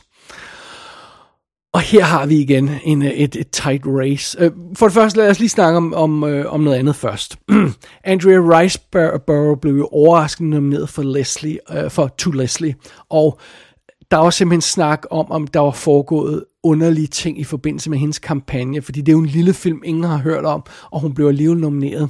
Øh, Akademiet har simpelthen undersøgt sagen, og de har meldt tilbage, at der er ikke foregået noget ulovligt i forbindelse med hendes kampagne, men de er, øh, de har været, der har været cause for concern i noget af den måde, som nogle af de her folk bag film har, har forsøgt at få en nominering på, på social media. Og lurer mig om nogle af de her ting, som der er sket i forbindelse med To Leslie, ikke rent faktisk kommer til at forårsage nogle ændringer i reglerne til næste år. Men lige nu er der ikke nogen, der har overtrådt nogle regler, og der er heller ingen chance for, at den her nominering til Andrea Riceborough blev trukket tilbage. Så i sidste ende får det ingen betydning. Hun kommer ikke til at vinde alligevel, og, og, og der kommer ingen skandale i den forbindelse. Men det var lige ved at gå galt. Så det. Alright. Øh, det bringer os til, hvem der egentlig øh, skal kæmpe om den her pris, og det er jo altså Kate Blanchett for Tar og Michelle Yeoh for Everything Everywhere All at Once. Og det er jo sådan så, at øh, Kate Blanchett, hun har vundet Critics' Choice Awarden, hun vandt Golden Globen, og hun har vundet BAFTA'en. Men Michelle Yeoh, hun vandt SAG-prisen, Screen Actors Guild-prisen, så det. Og det gjorde hun så altså her for nogle dage siden i, i optagende stund. Apparently, og det er altså en af de her stats, som jeg ikke har tjekket op på, men som jeg må tage de her Oscar Pundits gode ord for. En, hvis man vinder Golden Globen og Critics' Choice og BAFTA'en, så kan man ikke slås.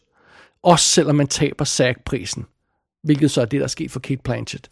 Det siger statsene men stats er til for at blive knækket, og, øh, og det betyder så, at at Michelle Yeoh godt har en chance alligevel. Hun vandt SAG-prisen, men hun vandt, har også vundet stemningen. Stemningen siger, at det skal være Michelle Yeoh, der vinder. Hun vil være den første skuespiller, der identificerer sig selv som asiatisk, der vil vinde den her skuespillerpris. Det er godt look for akademiet. Apparently så elsker alle den her film Everything Everywhere All at Once, selvom jeg ikke forstår hvorfor. Kate Blanchett har ikke lavet nogen kampagne for øh, for at skulle vinde tar, for Tar. Hun har ikke været ude og trykke hænder og sørget for at få sit ansigt øh, derud, så hun har nærmest sådan stået lidt i skyggerne, om jeg så må sige, selvom hun har vundet masser alligevel.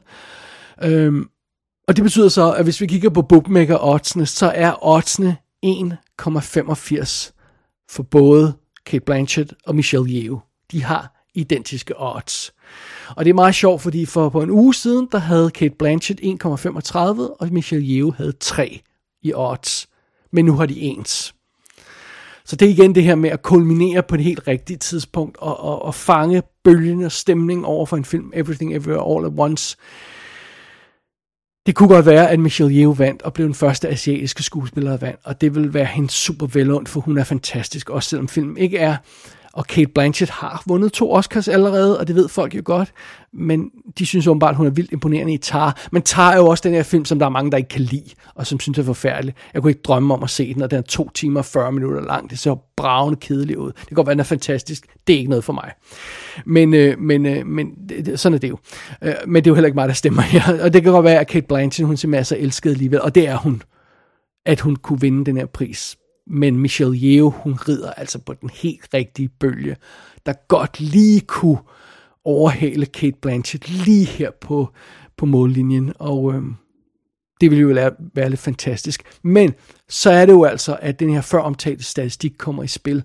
Hvis den her film allerede får bedste mandlige birolleprisen. Hvis vi leger med tanken om, at man får bedste kvindelige birolle også, og bedste kvindelige hovedrolle, og hvis den så vinder bedste film, så er det aldrig sket før. Så igen en stat knækker. Vi snakker lidt mere om, om det, når vi snakker om bedste filmprisen, men, men lige nu, så, så, så er det altså Michelle Yeoh og øhm, Kate Blanchett, der er neck and neck på det her plan, og det bliver også et af de krydser, jeg sætter allersidst, det kan jeg godt afsløre. Så, alright, det var de to skuespillerpriser, så havner vi ved øh, aftens to største priser, og det er jo altså først og fremmest bedste instruktør og bedste film, som, som, er, som er et springende punkt her. Lad os tage bedste instruktør først. De nominerede til bedste instruktør er uh, Martin McDonough for The Banshees of Inisherin, Daniel Kwan og Daniel Scheinert for Everything Everywhere All at Once, Steven Spielberg for The Fablemans, Todd Field for Tar og Ruben Østlund for The Triangle of Sadness. Og øhm, det er jo simpelthen sådan, at ja, der øhm, Øh, øh, øh, for første gang nogensinde, hvis tror jeg, at, at øhm, der, har, der har et par instruktører vundet DGA. Nu bliver jeg i tvivl. Har, har, øhm, har, øh, har øh, hvad hedder det, øhm, Joel og Ethan Coen ikke vundet en DGA? Nej, fordi de, holdt, og de var ikke krediteret som team i tidens morgen. Det var de vist ikke. Jeg tror, det sådan skal forstås. Nå, under lad mig lige tage det fra en ende af. Uh, The Daniels, altså som vi kalder dem, dem der har instrueret Everything Everywhere All at Once, de, har, de vandt jo altså Directors Guild Awarden for Everything Everywhere All at Once. Uh, og, og det er så et team af instruktører, og det er en sjældenhed. Um, Robert Wise og, um, og, og og Jerome Robbins var, var, var et par af instruktører, der var nomineret til Oscars for, for West Side Story. Uh, Joel Ethan Coen vandt prisen for No Country for Old Men i 2008, og de var nomineret for True Grit, og, og øh, øh, Warren Beatty og, øh, og Buck Henry var, var nomineret for Heaven Can Wait. Og det er vist nok de tre eneste teams, der har været Oscar-nomineret som et par før The Daniels. Og de vandt jo altså DGA'en, som er den, den mest klare indikation af, at de også vil vinde Oscar'en. Det er DGA-prisen.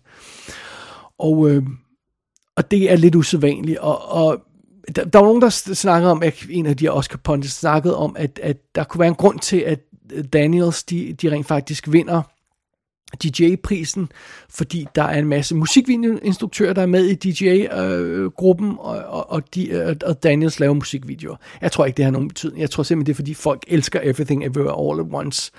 Øh, den vandt øh, øh Critics' Choice og alt muligt andet haløjser, og igen, den kulminerer bare på et helt rigtigt tidspunkt. Hvis vi kigger på bookmaker-oddsene, så får man pengene 1,08 gange igen, hvis man sætter på The Daniels. Steven Spielberg giver pengene 7 gange igen. Så Spielberg er den nærmeste konkurrent, men jeg kan ikke rigtig forestille mig, at de giver ham en pris for The Fablemans. Den er ikke særlig højt elsket, når alt kommer til alt The Fablemans. Det, det, det må næsten være uh, the, the Daniels, som vi kalder dem, der, der ender med at vinde uh, for bedste instruktør. Det er dem, der har den bedste odds, men, men det er altså så et team af instruktører, der kommer til at vinde her. Og ja, yeah, well, det er ikke noget, der sker så tit. Det er også fordi, DJA har alle de her mærkelige regler om, at hvis man skal have lov til at instruere en, en, en film som et team, så skal man være etableret team og sådan noget. Og hvis man ikke... Hvis man, øh, det, var, det var derfor, øh, øh, Coen-brødrene jo aldrig var krediteret sammen. Den ene var krediteret som producer, den anden var krediteret som instruktør, selvom de instruerede sammen. Øh, det var på grund af DJA-regler. Og, og, og, øh, og det er jo så også det, som ja, man arbejder under i Hollywood, også selvom man ikke er, vi ikke snakker DJ-priser, så bare det at arbejde i Hollywood, så arbejder man under de der DJ-regler. Og så skal der laves nogle undtagelser, hvis man skal have lov til at arbejde som instruktørteam, og det har de her to folk så for, åbenbart fået lov til at lave. Ja, og de har lavet en film, alle elsker, og, og det virker som om, at det ligger lige til højre benet, at de skal vinde prisen for bedste instruktør. Og det betyder så, at hvis vi kigger videre på, øh, på aftens sidste pris, som er øh, filmen, øh, øh, øh, bedste filmprisen. Øh, lad os lige tage de nominerede i den først, og så hiver vi lige instruktørsnakken ind i det igen. Okay, så øh, den sidste øh, pris, den fornemmeste pris, Oscar'en for bedste film, der har vi 10 nomineret igen i år, og det er jo så All Quiet on the Western Front, Avatar The Way of Water, The Banshees of Inisherin, Elvis, Everything Everywhere All at Once, The Fablemans, Tar, Top Gun Maverick, Triangle of Sadness og Women Talking. Og der er situationen jo simpelthen den, at Everything Everywhere All at Once har vundet alt. Den har vundet PGA-prisen, den har vundet SAG Ensemble-prisen, den har vundet Critics' Choice-prisen, instruktørteamet har vundet øh, DJ-prisen, den har simpelthen lavet cleanet ud, øh, øh, Oscar-sæson ud, den her øh, øh, pris, og, øh, eller den her film, og, og det, det øh, altså, den har odds 1,05 til at vinde bedste film, Everything Everywhere All at Once, og, og øh, på anden pladsen har vi All Quiet on the Western Front, der har odds 11. Så det bliver Everything Everywhere All at Once, der kommer til at vinde for bedste film. Og, og, og så muligvis bliver det altså også øh, instruktørerne bag, der vinder for bedste øh, instruktør, instruktører, og ja, og så får de åbenbart også skuespillerpriser, og så havde man begyndt at overveje, hvis de får alt det, får de så også manuspriserne, får de så også øh, klipning, får de så også alle de her ekstra priser. Ja, det, det er jo så det, der bliver det interessante. Lad os lige hive fat i et par andre ting omkring bedst filmræset her. Øh, altså lad os tage sådan noget som for eksempel, vi har to sequels, der er nomineret til bedste film i år. Altså Avatar og øh, Top Gun Maverick. Og det er første gang, det nogensinde er sket. Og derudover så er Top Gun Maverick og Avatar jo altså også årets største hits. 2022's største hit er Top Gun Maverick fordi Avatar ikke havde nået at slå den endnu. Nu har den øh, slået, øh, øh, hvad hedder det, Øhm, øh, hvad hedder det? Nu, har, nu har Avatar slået øh, Top Gun i sin indtjening, men, men, øh, men havde premiere sent i året, så, så den havde ikke overhalet den nu. Øh, øh, sådan som, som, hvis man bare kigger på 2022 box office, så er Top Gun nummer 1, og Avatar er nummer, nummer 2. Og øh, Elvis er nummer 3, øh, 12 undskyld, øh, øh, blandt de her bedst filmnominerede. Den har tjent 151 millioner dollars. Øh, i, det, det er USA-tal, det her, så vidt jeg husker. Øh, Everything Everywhere All at Once er nummer 4. Den, har, den, har tjent, øh, den er på 27. pladsen og har tjent 70 millioner dollars i USA. Alle de andre film ligger under. The Fablemans er på 70. pladsen med 12 mil. The Banshees of Inisherin er på 84. pladsen med 9 mil. Er, øh, Tar er på 99. pladsen med 5 mil. Triangle of Sadness er på 114. pladsen med 4 millioner dollars. Og Women Talking indtjente i 2022 151.000 dollars på en 257. plads. Og den sidste film, All Quiet on the Western Front, er jo en streaming premiere, så den har ikke tjent noget i biffen. Så vi kan jo altså ikke helt brokke os over i år, det her med, at det kun er de små film, der bliver også nomineret, og det er dem, ingen ser. Det er det altså ikke. Der er kæmpe blockbusters på den her liste, og så der, der er alt fra førstepladsen til 257. Øh, plads, øh, pladsen øh, på box office listen øh, blandt de her film, og så en, en film, der ikke engang har haft premiere i biografen. Øh, altså andet end qualifying run selvfølgelig. Men fidusen er, at uh, Everything Everywhere All at Once, den, den har jo simpelthen vundet alt og, og, og alle, og står til at sætte rekorder. Og det kan godt være, at All Quiet on the Western Front, den vandt en kæmpe BAFTA-sejr. Og det gjorde den jo også. Den, den tog syv priser, og det er aldrig sket før. Øh, det, det, det, der er aldrig nogen udenlandsk film, der har vundet flere priser hos BAFTA end All Quiet on the Western Front. Og det er jo altså meget fint, men det kan altså ikke slå statsene for, øh, for, for alt andet med PGA, DJ og SAG wins to Everything Everywhere All at Once. Og øh, jeg, jeg, jeg, jeg, jeg synes, det er overraskende, at en film, der er så bizarre og så og deler vandene så meget, som Everything Every All at Once gør, at, at den skulle kunne gå ind og tage prisen. Øh, specielt fordi vi har at gøre med den her, igen, den her preferential voting, hvor man vælger sin favorit, og så vælger man sin anden favorit, og sin tredje favorit, og sin fjerde favorit, og så når man stemmerne tælles op, så er det jo, der foregår det her med, at man, jeg får bare lige sagt, det tror jeg ikke, vi har snakket om et stykke tid, men det her med, at så bliver alle stemmesedlerne delt op i, hvad, hvad der er førstepladsen, og øh, hvis en af filmene har mere end 50%, så er det den, der har vundet. Hvis ikke det er tilfældet, så tager man den mindste stak af nummer etter, og så deler man ud baseret på andenpladsen. Det er preferential voting i en nød, øh, nødskal. Og det er meget svært at tro, at, at, at altså enten så elsker man Everything Everywhere All at Once, eller også hader man den. Jeg har meget svært ved at tro, at øh, man er sådan, ah, den er okay. Så det vil sige, hvis, hvis uh, Everything Everywhere All at Once skal vinde på sådan en preferential afstemning, så skal den have næsten 50% af stemmerne fra start. Og det synes jeg er meget svært at forestille øh, sig, at den skulle kunne have. Men statsene taler deres tydelige sprog. Den vandt i PGA, som er også en preferential voting. Den vandt instruktørens pris, så den er støttet af instruktørerne. Den vandt skuespillernes ensemblepris og tre priser af SAG, en rekord, så den er også støttet af skuespillerne. Måske er det nok til, at Everything Everywhere øh, All at Once kan vinde. Det, det er i hvert fald det, der ligger i kortene. Alle tror, Everything Everywhere All at Once vinder, og bookmakeren tror, den vinder. Så det bliver nok den, der vinder. Og øh, ja, det, det er jo så, hvad det er. det, det, det, øh, det, jeg synes, det er en lille smule overraskende, at det ender med at være den. Jeg kan, det giver meget mere mening for mig, hvis All Quiet on the Western Front vil vinde, eller, øh, eller sådan en som Top Gun Maverick, som alle elsker.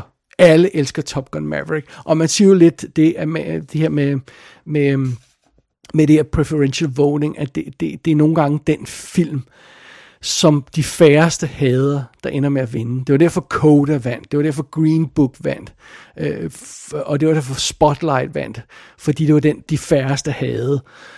Men nogle gange, så er det jo altså også bare, så, så er der bare så stor kærlighed til en film, at den kommer ind og tager den øh, prisen alligevel, som for eksempel Parasite, og, øh, og, og, og, og Moonlight og sådan nogle af de der ting der. Det, det, der har simpelthen været så stor kærlighed til de film, at de, de ender med at at tage prisen. Og det, det, det, det, hvis, det, hvis Everything Everywhere All at Once vinder, så er det fordi, der er så stor kærlighed til den, at den simpelthen vinder i første runde af afstemningen på den her preferential øhm, øh, voting haløjsa.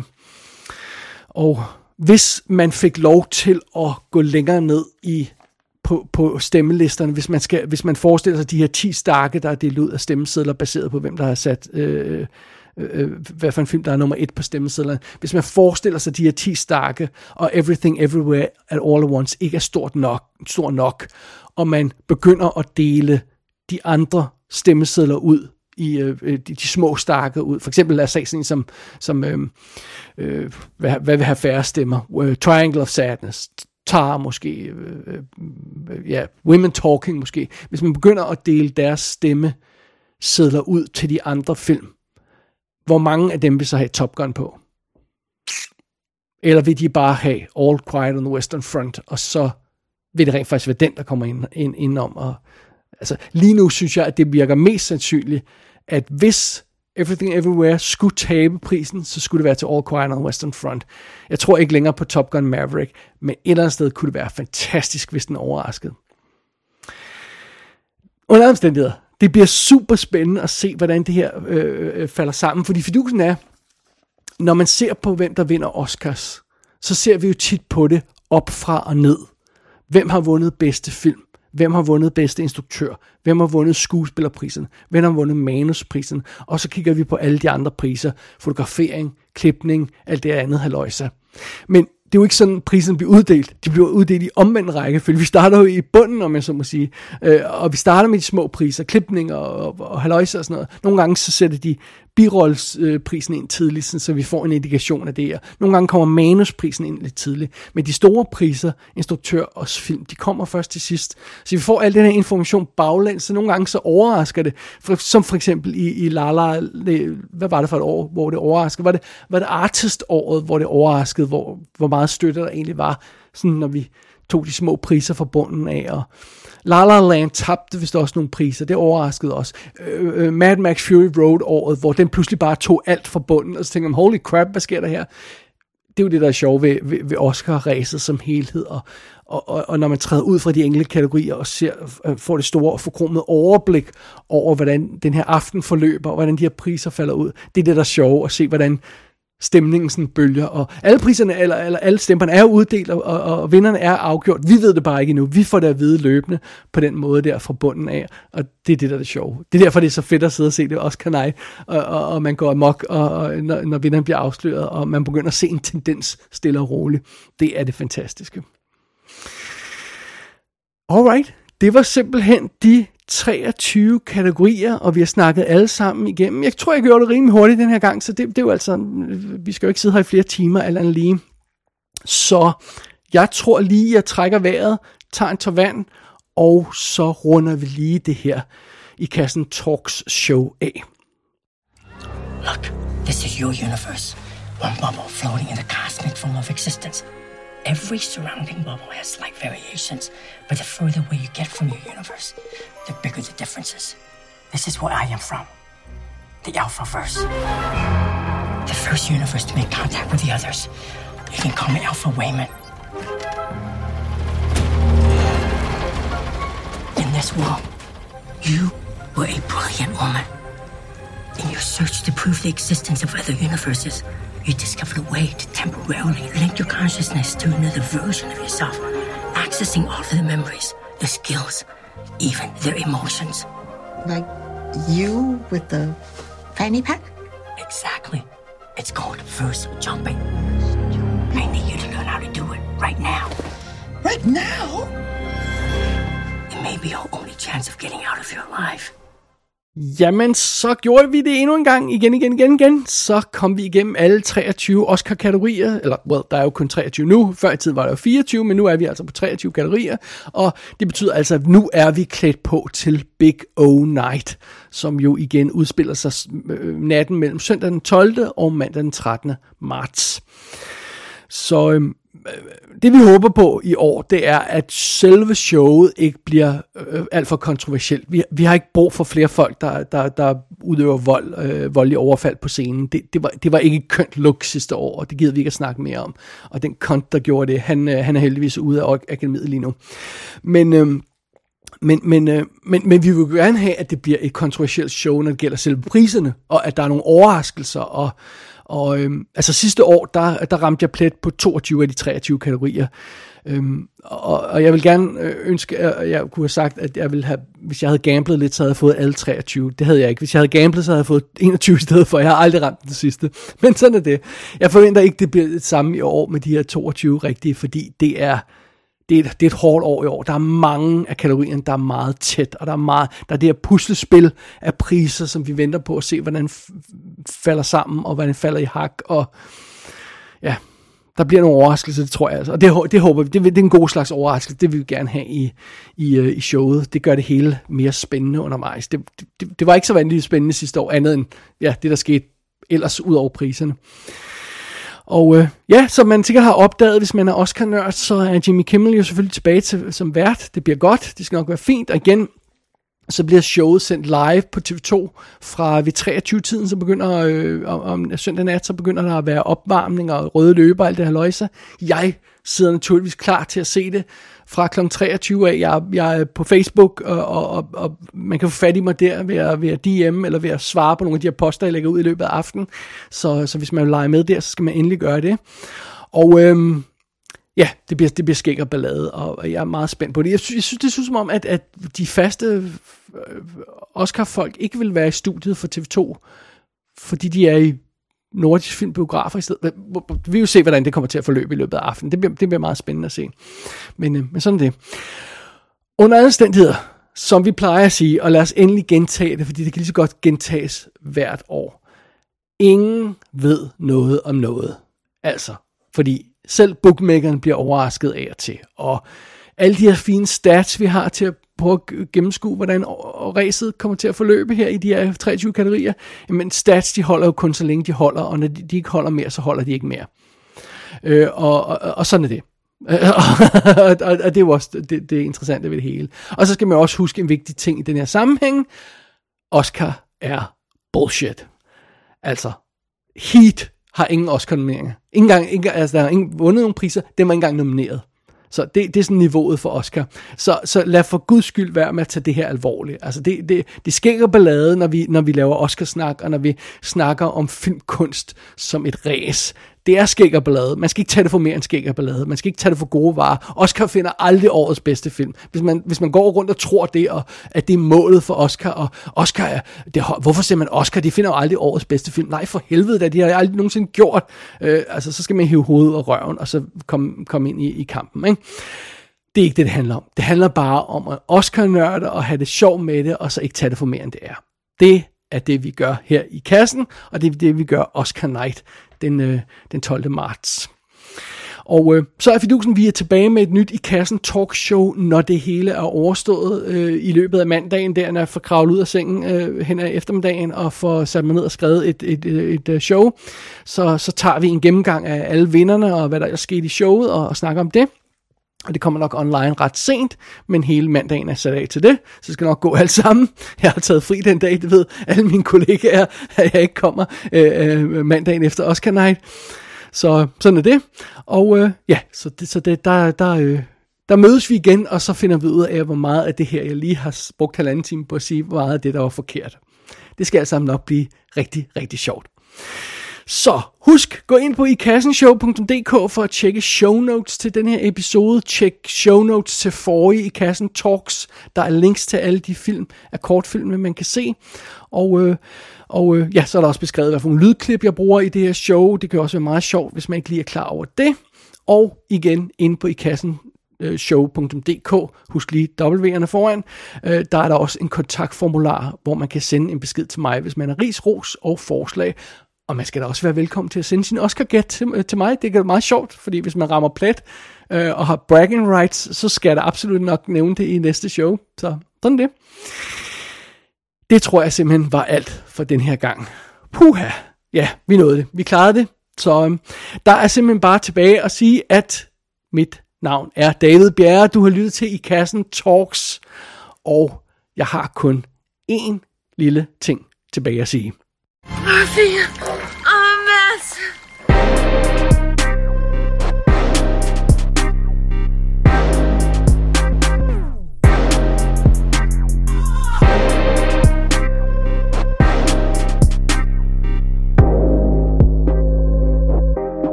So this is a very sweet time, and I get to see him, get to spend time with Kerry and Martin that we wouldn't otherwise. So in that way, that's the kind of window I climb through to enjoy this whole experience, rather than taking it too serious, you know. Instead of focusing on the horse race or who's nominated Yeah, for exactly. what and all of that. Exactly. Just to be sharing it with the other lads and whoever is around and the films and the filmmakers. I still get giddy about the whole thing anyway, do you know what I mean?